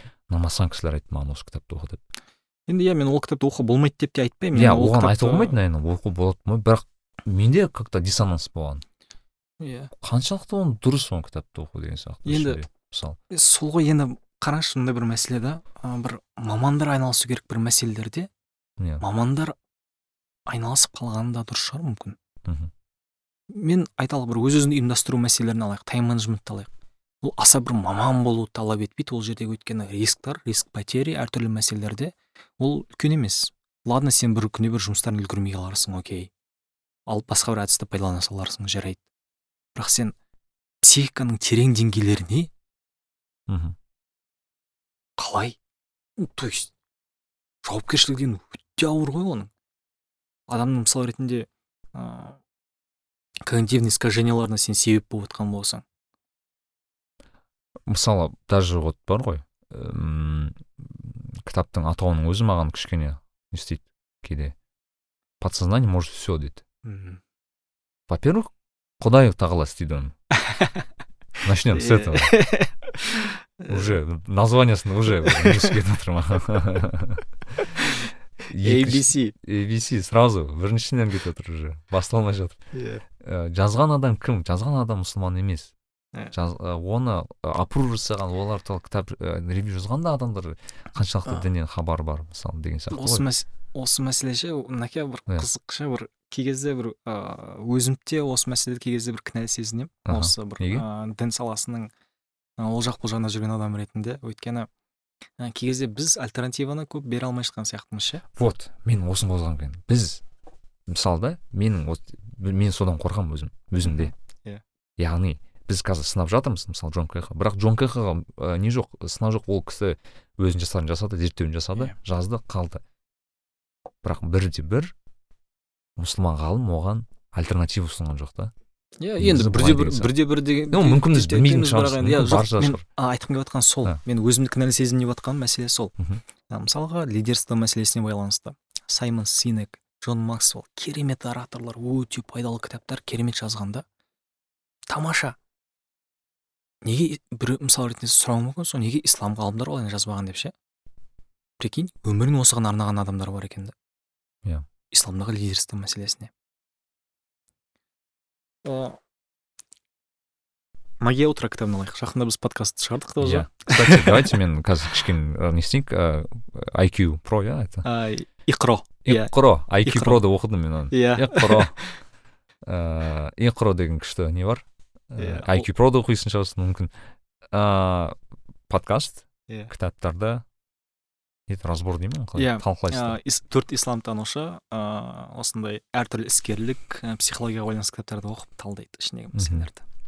Иә соны тыңдаңыздар. Күшті постпродакшны мықты енді машалла видеосымен. Иә сол кітап Ма- магия утра иә айтқым келгені мынау еді. Магия утра кітабы алты түрлі қадам ұсынады. Ұйқыдан оянудың. Біріншісі он минут үнсіздік сейверс деп біріктірген. Мхм. Сайленс он минут үнсіздік. Аффирмация он минут. Визуализация он минут эксерсайз жаттығу он минут ыыы рейдинг кітап оқу он минут және сабскрайбинг journaling он минут ыыы жаңағы күнделік жүргізу. Осы алты қадамды он он минутта жасаған уақытта сен ұйқыдан тиімді жақсы оянасың и күні бойғы ә- күні бойғы әрекет жасауға сен өзіңе күш жинап ыыы бодрый тұрасың. Оның үстіне бір мысалы ретінде кітап оқыдың уже бойыңда қан жүгірттің кішкене өзің есіңе жиып алдың деген сияқты тиімді тұрудың бір ыыы ұйқыдан оянудың бір кезеңдерін ұсынады мен ыыы өзімнің альтернативам бар осыған байланысты Иә.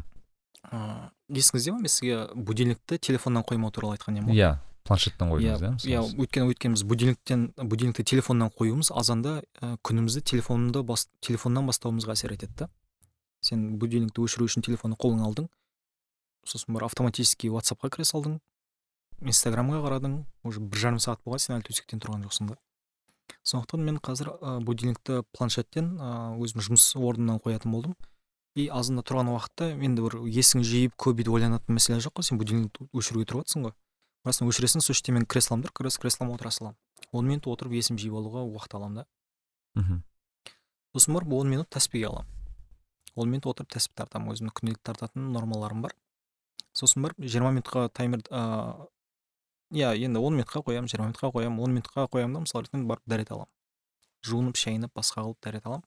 Сосын барып он минутқа қоямын да он минут асықпай намаз оқимын. Уақытын көбейтуге де болады деген сияқты. Сосын барып он минут ыыы енді он минут емес мен әдетте бес минут маған көбінесе жеткілікті. Терлеуге қоямын. Именно сен тер шығаруың керексің алдында. Енді бір прямо ақтер көктер болып терлеу міндетті емес бірақ кәдімгідей басың жебейтіндей деңгейде да. Мхм. Бұл жағын бойыңа қан жүгірту үшін. Сосын барып ары қарата бес минут ә, жасаймын бір қысқа негізгі бүгін жасауым керек ойларды. Мәселелерді белгілеп белгілеп аламын. Ыыы глеб архангельский тайм менеджментінде бар. Бүгінгі күннің ең маңызды ісін белгілеу. Бүгінгі күндегі бифштексін белгілеу. Бір үлкен проекттің бір беті типа диссертацияның бір бетін жазу деген сияқты. Мхм. Сосын лягушка деп айтып жатады сен көптен бері істеуің керек бірақ істей алмай жүрген мәселелерді жасап тастау бір лампочканы алмастыру басқа деген сияқты миыңды ұстап жүрген мәселелерді осы үш мәселені белгілеп негізгі ойларымды жазып аламын бес минут қана арнаймын оған кейіннен барып ыыы кітап оқу уақытымды арнаймын жиырма минут деген сияқты. И осы нәрсе менің күнделікті бір м салтым ретінде ұстанатын альтернативам бағанағы магия утраға иә. Бұл ислами тұрғыдан жақсы ма? Ислами тұрғыдан жақсы. Сен намазды әдетте тез тез оқитын адамсың. Я болмаса басқа әр нәрсеге көңілің бөлініп кете беретін адам. Бірақ сен он минут нақты бөліп сен осы тек қана намазға ғана көңіліңді жиған уақытта намазың сапасы артады мхм. Басқа ананы мынаны мен айтпақшы ананы тезірек істеуім керек деген сияқты ой сені мазаламайды. Сен білесің он минут сенде уақыт бар екендігін және сен нақты осыған бронировать еткеніңді және де егер он минут біткен болатын болса мынау шырылдайды. Әр он минут біткен сайын жаңағыдай өзі планшеттен қойып отырамын бірден жұмыс орнында сен әр он минут сайын сол оралып отырасың да.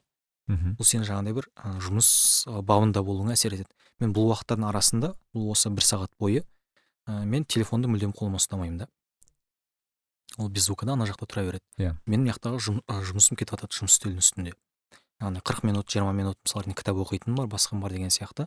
Осы сияқты альтернативаларды мысалы ретінде біз нақты нақты ұсынсақ және халықтың арасында популяризировать ете алсақ бұл уже бағанағы сияқты кітаптардың альтернативасы ретінде ұсынылуы мүмкін. Өйткені не үшін адамдар ондай кітаптарды оқиды? Магия утра басқа сияқты. Өйткені біріншіден түсінікті. Иә. Сразу мінекей бір екі үш төрт мынаны мынаны мынаны мынаны мынаны жаса.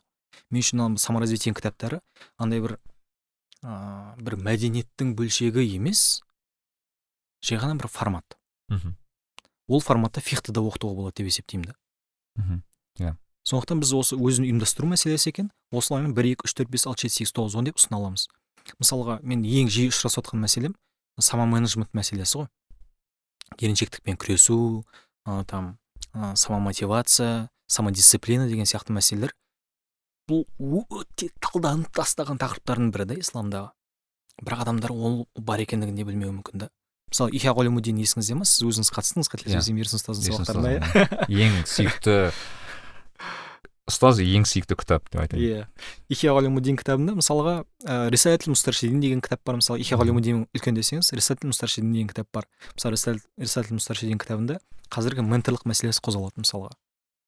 Иә. Адамда екі түрлі ұстаз болу керек деп айтады. Бір ұстаз саған ғылымды үйрететін ғылым жағынан сені ыыы біліміңді арттыратын ұстаз болса екінші ұстаз сенің тәрбиеңмен айналысатын. Былайша айтқан кезде біздің тілмен айтқан кезде ментор да мхм. ұстаз болуы тиіс деп айтады. Түсіндіңіз ба мысалға екіншісі болмаса сен өзіңнің нәпсіңмен мәмілеге отыруың керексің деп айтады. Сен осындай осындай қазір отырып ыыы осынша бір білім ізденген болатын болсаң бір сағат мен 15 минут саған демалыс беремін мороженое барып жейміз деген сияқты. Тура осы мәселе бағанағы кнут и пряник бар бағанағы не бар параллель жүргізетін болсаң. Atomic habitsқа ұқсап кетті да Иә. habits у джеймс клир мен кәдімгідей ол кісіні өте қатты жақсы көремін өте керемет джеймс клир ыыы менің ойымша не істесе ыыы сол орысша шықты ма? Орысша шықты. мен- қазақшасы бар даже. А сондай ма? А мен оны тек қана орысша бір жаңағыдай саммарин ғана көрдім да. Телеграм каналда сила знания деген. Иә иә. Джеймс клир мен өте жиі айтамын сол кітап туралы адамдар оқу керек. Иә.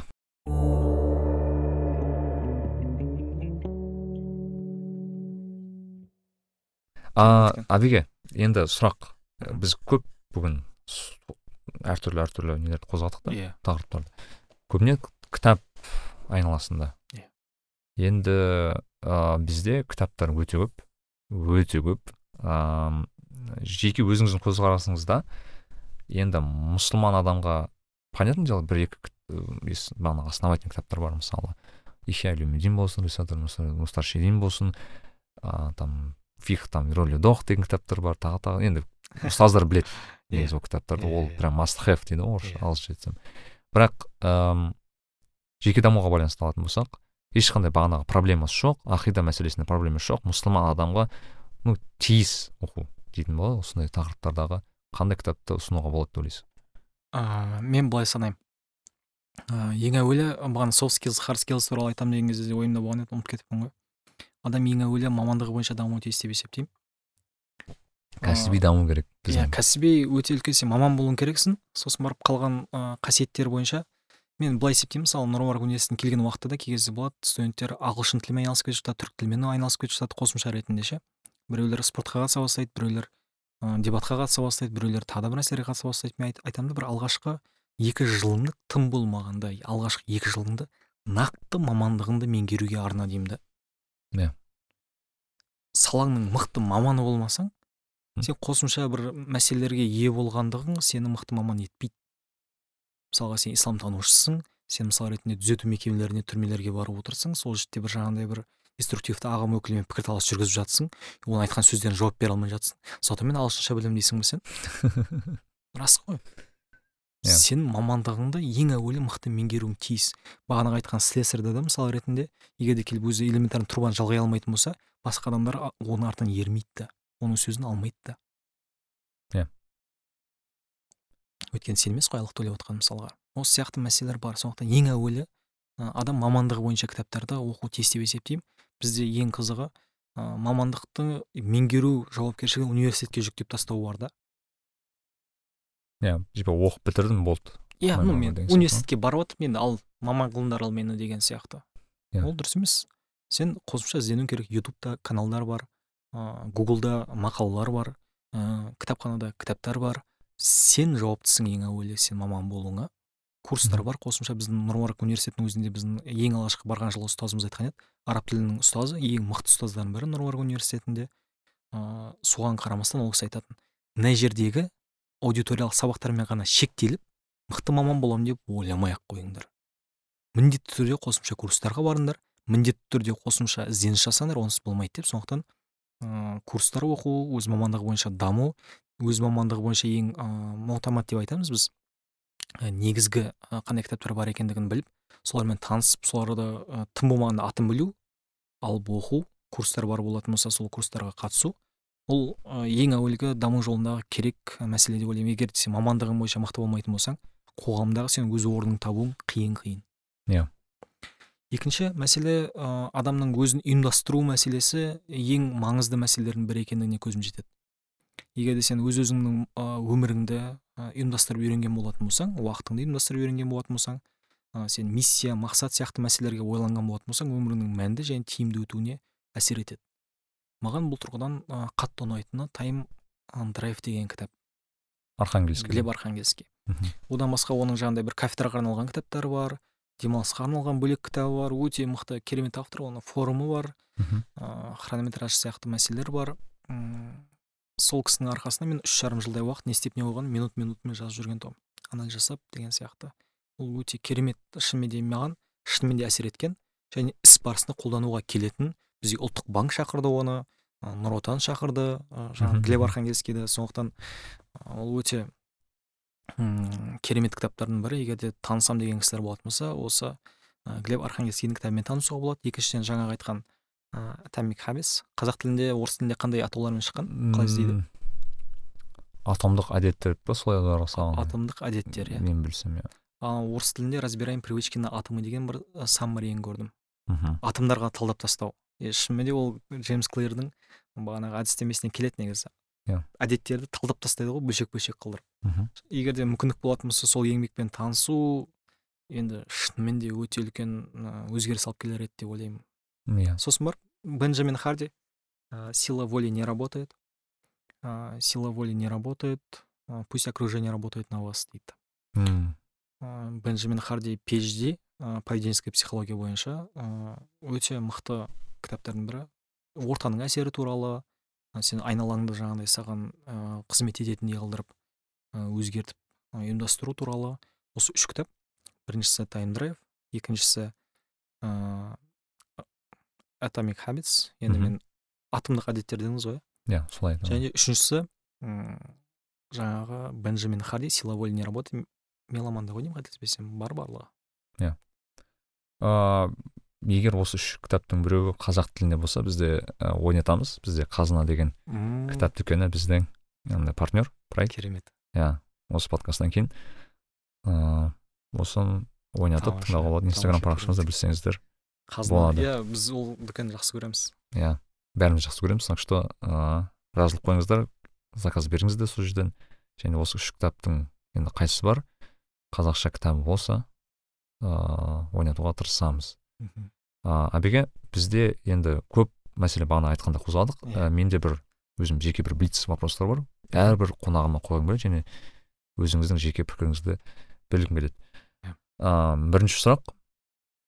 Ыыы сіз енді соңғы жылдары соңғы айтайық бір жыл бір жарым жылдың ішінде ең жақсы өзіңізге жасалған бір инвестиция жағынан. Яғни инвестиция деген кезде бұл кітап курс киім білмеймін кез келген бір дүние өзіңізге бір өміріңіздің тиімділігін эффективності соны арттырған өзін ақтаған инвестиция біріншіден айфон айфон иә. Осы айфонды сатып алатын уақытта сынаған да кісілер болды. Ә, жақсы бір xiaomi алсаң да болады ғой деген сияқты. Бірақ ыыы бәрібір де ештеңеге қарамастан сол ыыы айфонды алдым. Өйткені мен білемін егер де сапасы жақсы болмайтын болса мен жалғастырмайтынмын да. Сол айфон алғанның себебінен ыыы мен аптасына екі рет ыыы тоғыз ай дей ма үздіксіз эфирлерге шығып отырдым. Ы, әрі қарата да жалғастырып шығып жатырмын үнемі. Видеолар түсіріп жатырмын. Видеоға деген қызығушылығым арта бастады. Ы, кей уақытта жаңағыдай менімен бірге жұмыс жасаған операторлардың өздері бір нәрселер үйреніп кетіп жатады. А мындай бар екен ғой деп. Сондықтан ыыы именно осы ыыы инстаграмды дамыту жағынан ы, осы жақтарынан м, ең үлкен өзін ақтаған инвестициялардың бірі айфон болды. Ыыы сондықтан егер де мен блогерлік неден бастаймын деп бір жігіттер келген сұраған кезде мен айтып жатамын айфон алыңыз деп.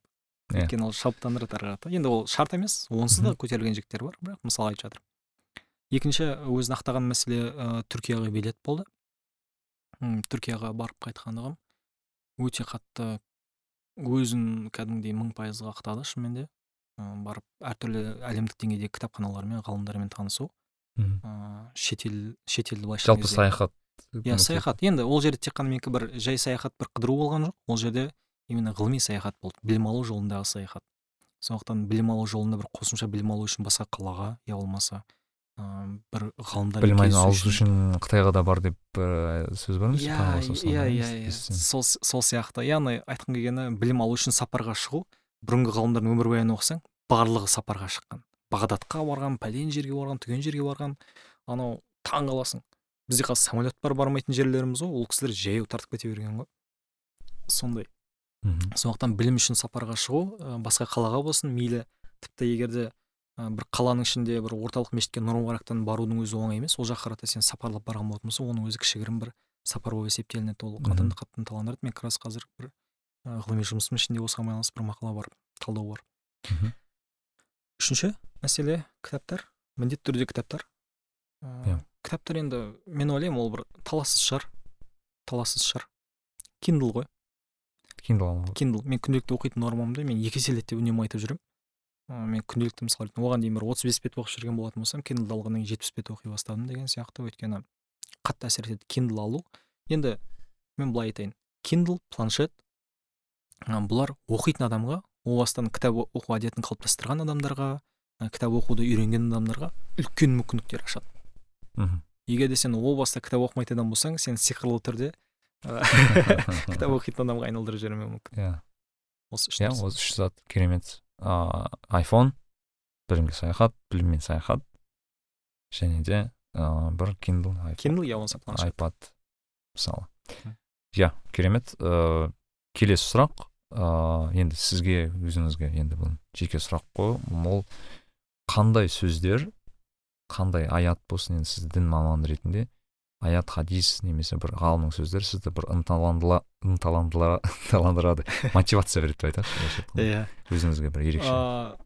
Ыыы жаон ыыы жаңағы қиямет күнінде бүкіл нәрсенің ақиқат екенін ыыы көрген кісінің бір сөзі келтіріледі. Бізді, қайтаршы деген. Иә. Садақа беререм деген сияқты. Осы нәрсе ынталандыратын.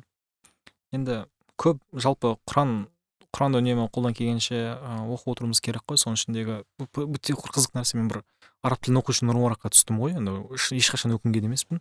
И сен күніге бір бір намаздан кейін бір болмаса бір ол жай отырып құран оқыған уақытта күнделікті сен бүгінгі болып жатқан проблемаңның бір шешімдерін айтып жатады. Бүгін болып жатқан бір мәселелерге байланысты бір көңіл түскен болса көңіліңді көтеріп жатады. Тікелей тілдесу деген әңгімелерді мен сол кезде барып түсіне бастадым. Сондықтан егер де ыыы араб тілін оқу жайында ойланып жүрген кісілер болатын болса бір бес мың теңгені салай ма салмай ма деп жүріп ойланып жүрген кісілер болатын болса жүз жүздеген мыңдаған ыыы теңгелерді салып жүрген адам ретінде мен ешқашан өкінбейсіздер иншалла деп айтар едім. Ол жасаған дұрыс әлбетте. Мхм. Иә. Мен шабыттандыратын осы көбінше құран аяттары иә. Көбінше құран аяттары окей. Иә құран оқиық. Мхм. Ыыы вот үшінші сұрақ. Более андай ыыы абстрактный деп айтайық. Мысалы сіз қалаңызда бір кез келген жерде бір ыыы не бар деп айтайық бір баннер үлкен үлкен бүкіл қалаға көрінетін машина өтетін әл фарабидің бойында мүмкін, Аха. не знаю, сондай бір жерде баннер бар. Иә. Сол баннер сіздікі да? Мәссаған. Иә бірнеше баннер қанша қаласаңыз да ыыы сіз сол баннерға не қоясыз? Иә мен түсіндім сұрағыңызды. Өте күтпеген сұрақ екен. Ну бірінші ол келген ойға келген бір затты айтсаңыз болады мысалы. Кейбір адамдар реклама қоямын деп айтты. Өте креативный кісілер екен Иә. шынымен де мен білмейді екенмін. Ол жерге не қоюға болады? Мен енді мен андай адаммын. Мен адамдарға өздеріне жазуға мүмкіндік беретін шығармын наверное. Өйткені маған олардың ішінде бірінші не бар екендігін түсіну және соған қарата бағыттау маңыздырақ. Мүмкін солай шығар. Окей. Адамдарға мүмкіндік беретін шығармын өзінің баннеріне қалаған нәрсесін қоюға. Окей. Ыыы жалпы менде осы, осы болды ә, Мхм. сұрақтарым ә, әбеке көп рахмет. Алла разы болсын. Керемет сағы екі сағатымыз зымырап прям өтіп кетті. Ыыы көп рахмет абеке сіздің енді осы жасап жатқан істеріңізге көп ыыы енді көріп жүрміз. Енді қай жерде жүрсек сізді оқуға тырысып жүрміз.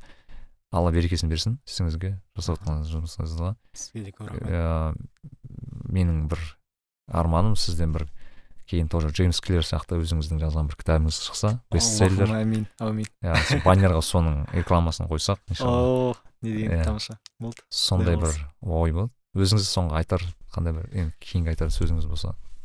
Өсиет па? Өсиет деп айтамыз иә. Уағыз айттыңыз. Жоқ мен иә енді былай ғой. Менің пф деген бір нем бар. Семинарым бар. Приоритет фокус постоянство деген. Бірінші адам өзінің ә, маңызды деген нәрсені анықтап алу керек. Оған фокус қоя алу керек. Және де ол нәрседе тұрақты бола алу керек қой. Мхм. Мүмкін егер де мен бір ақ ауыз сөзбен барлығын түйінде десек мүмкін осылай айтатын шығармын. Пф болыңдар короче. Иә. Бәріне рахмет. Біз осы подкастты бөлісіп жүріңіздер. Таратуға атсалысыңыздар деп айтайын иә.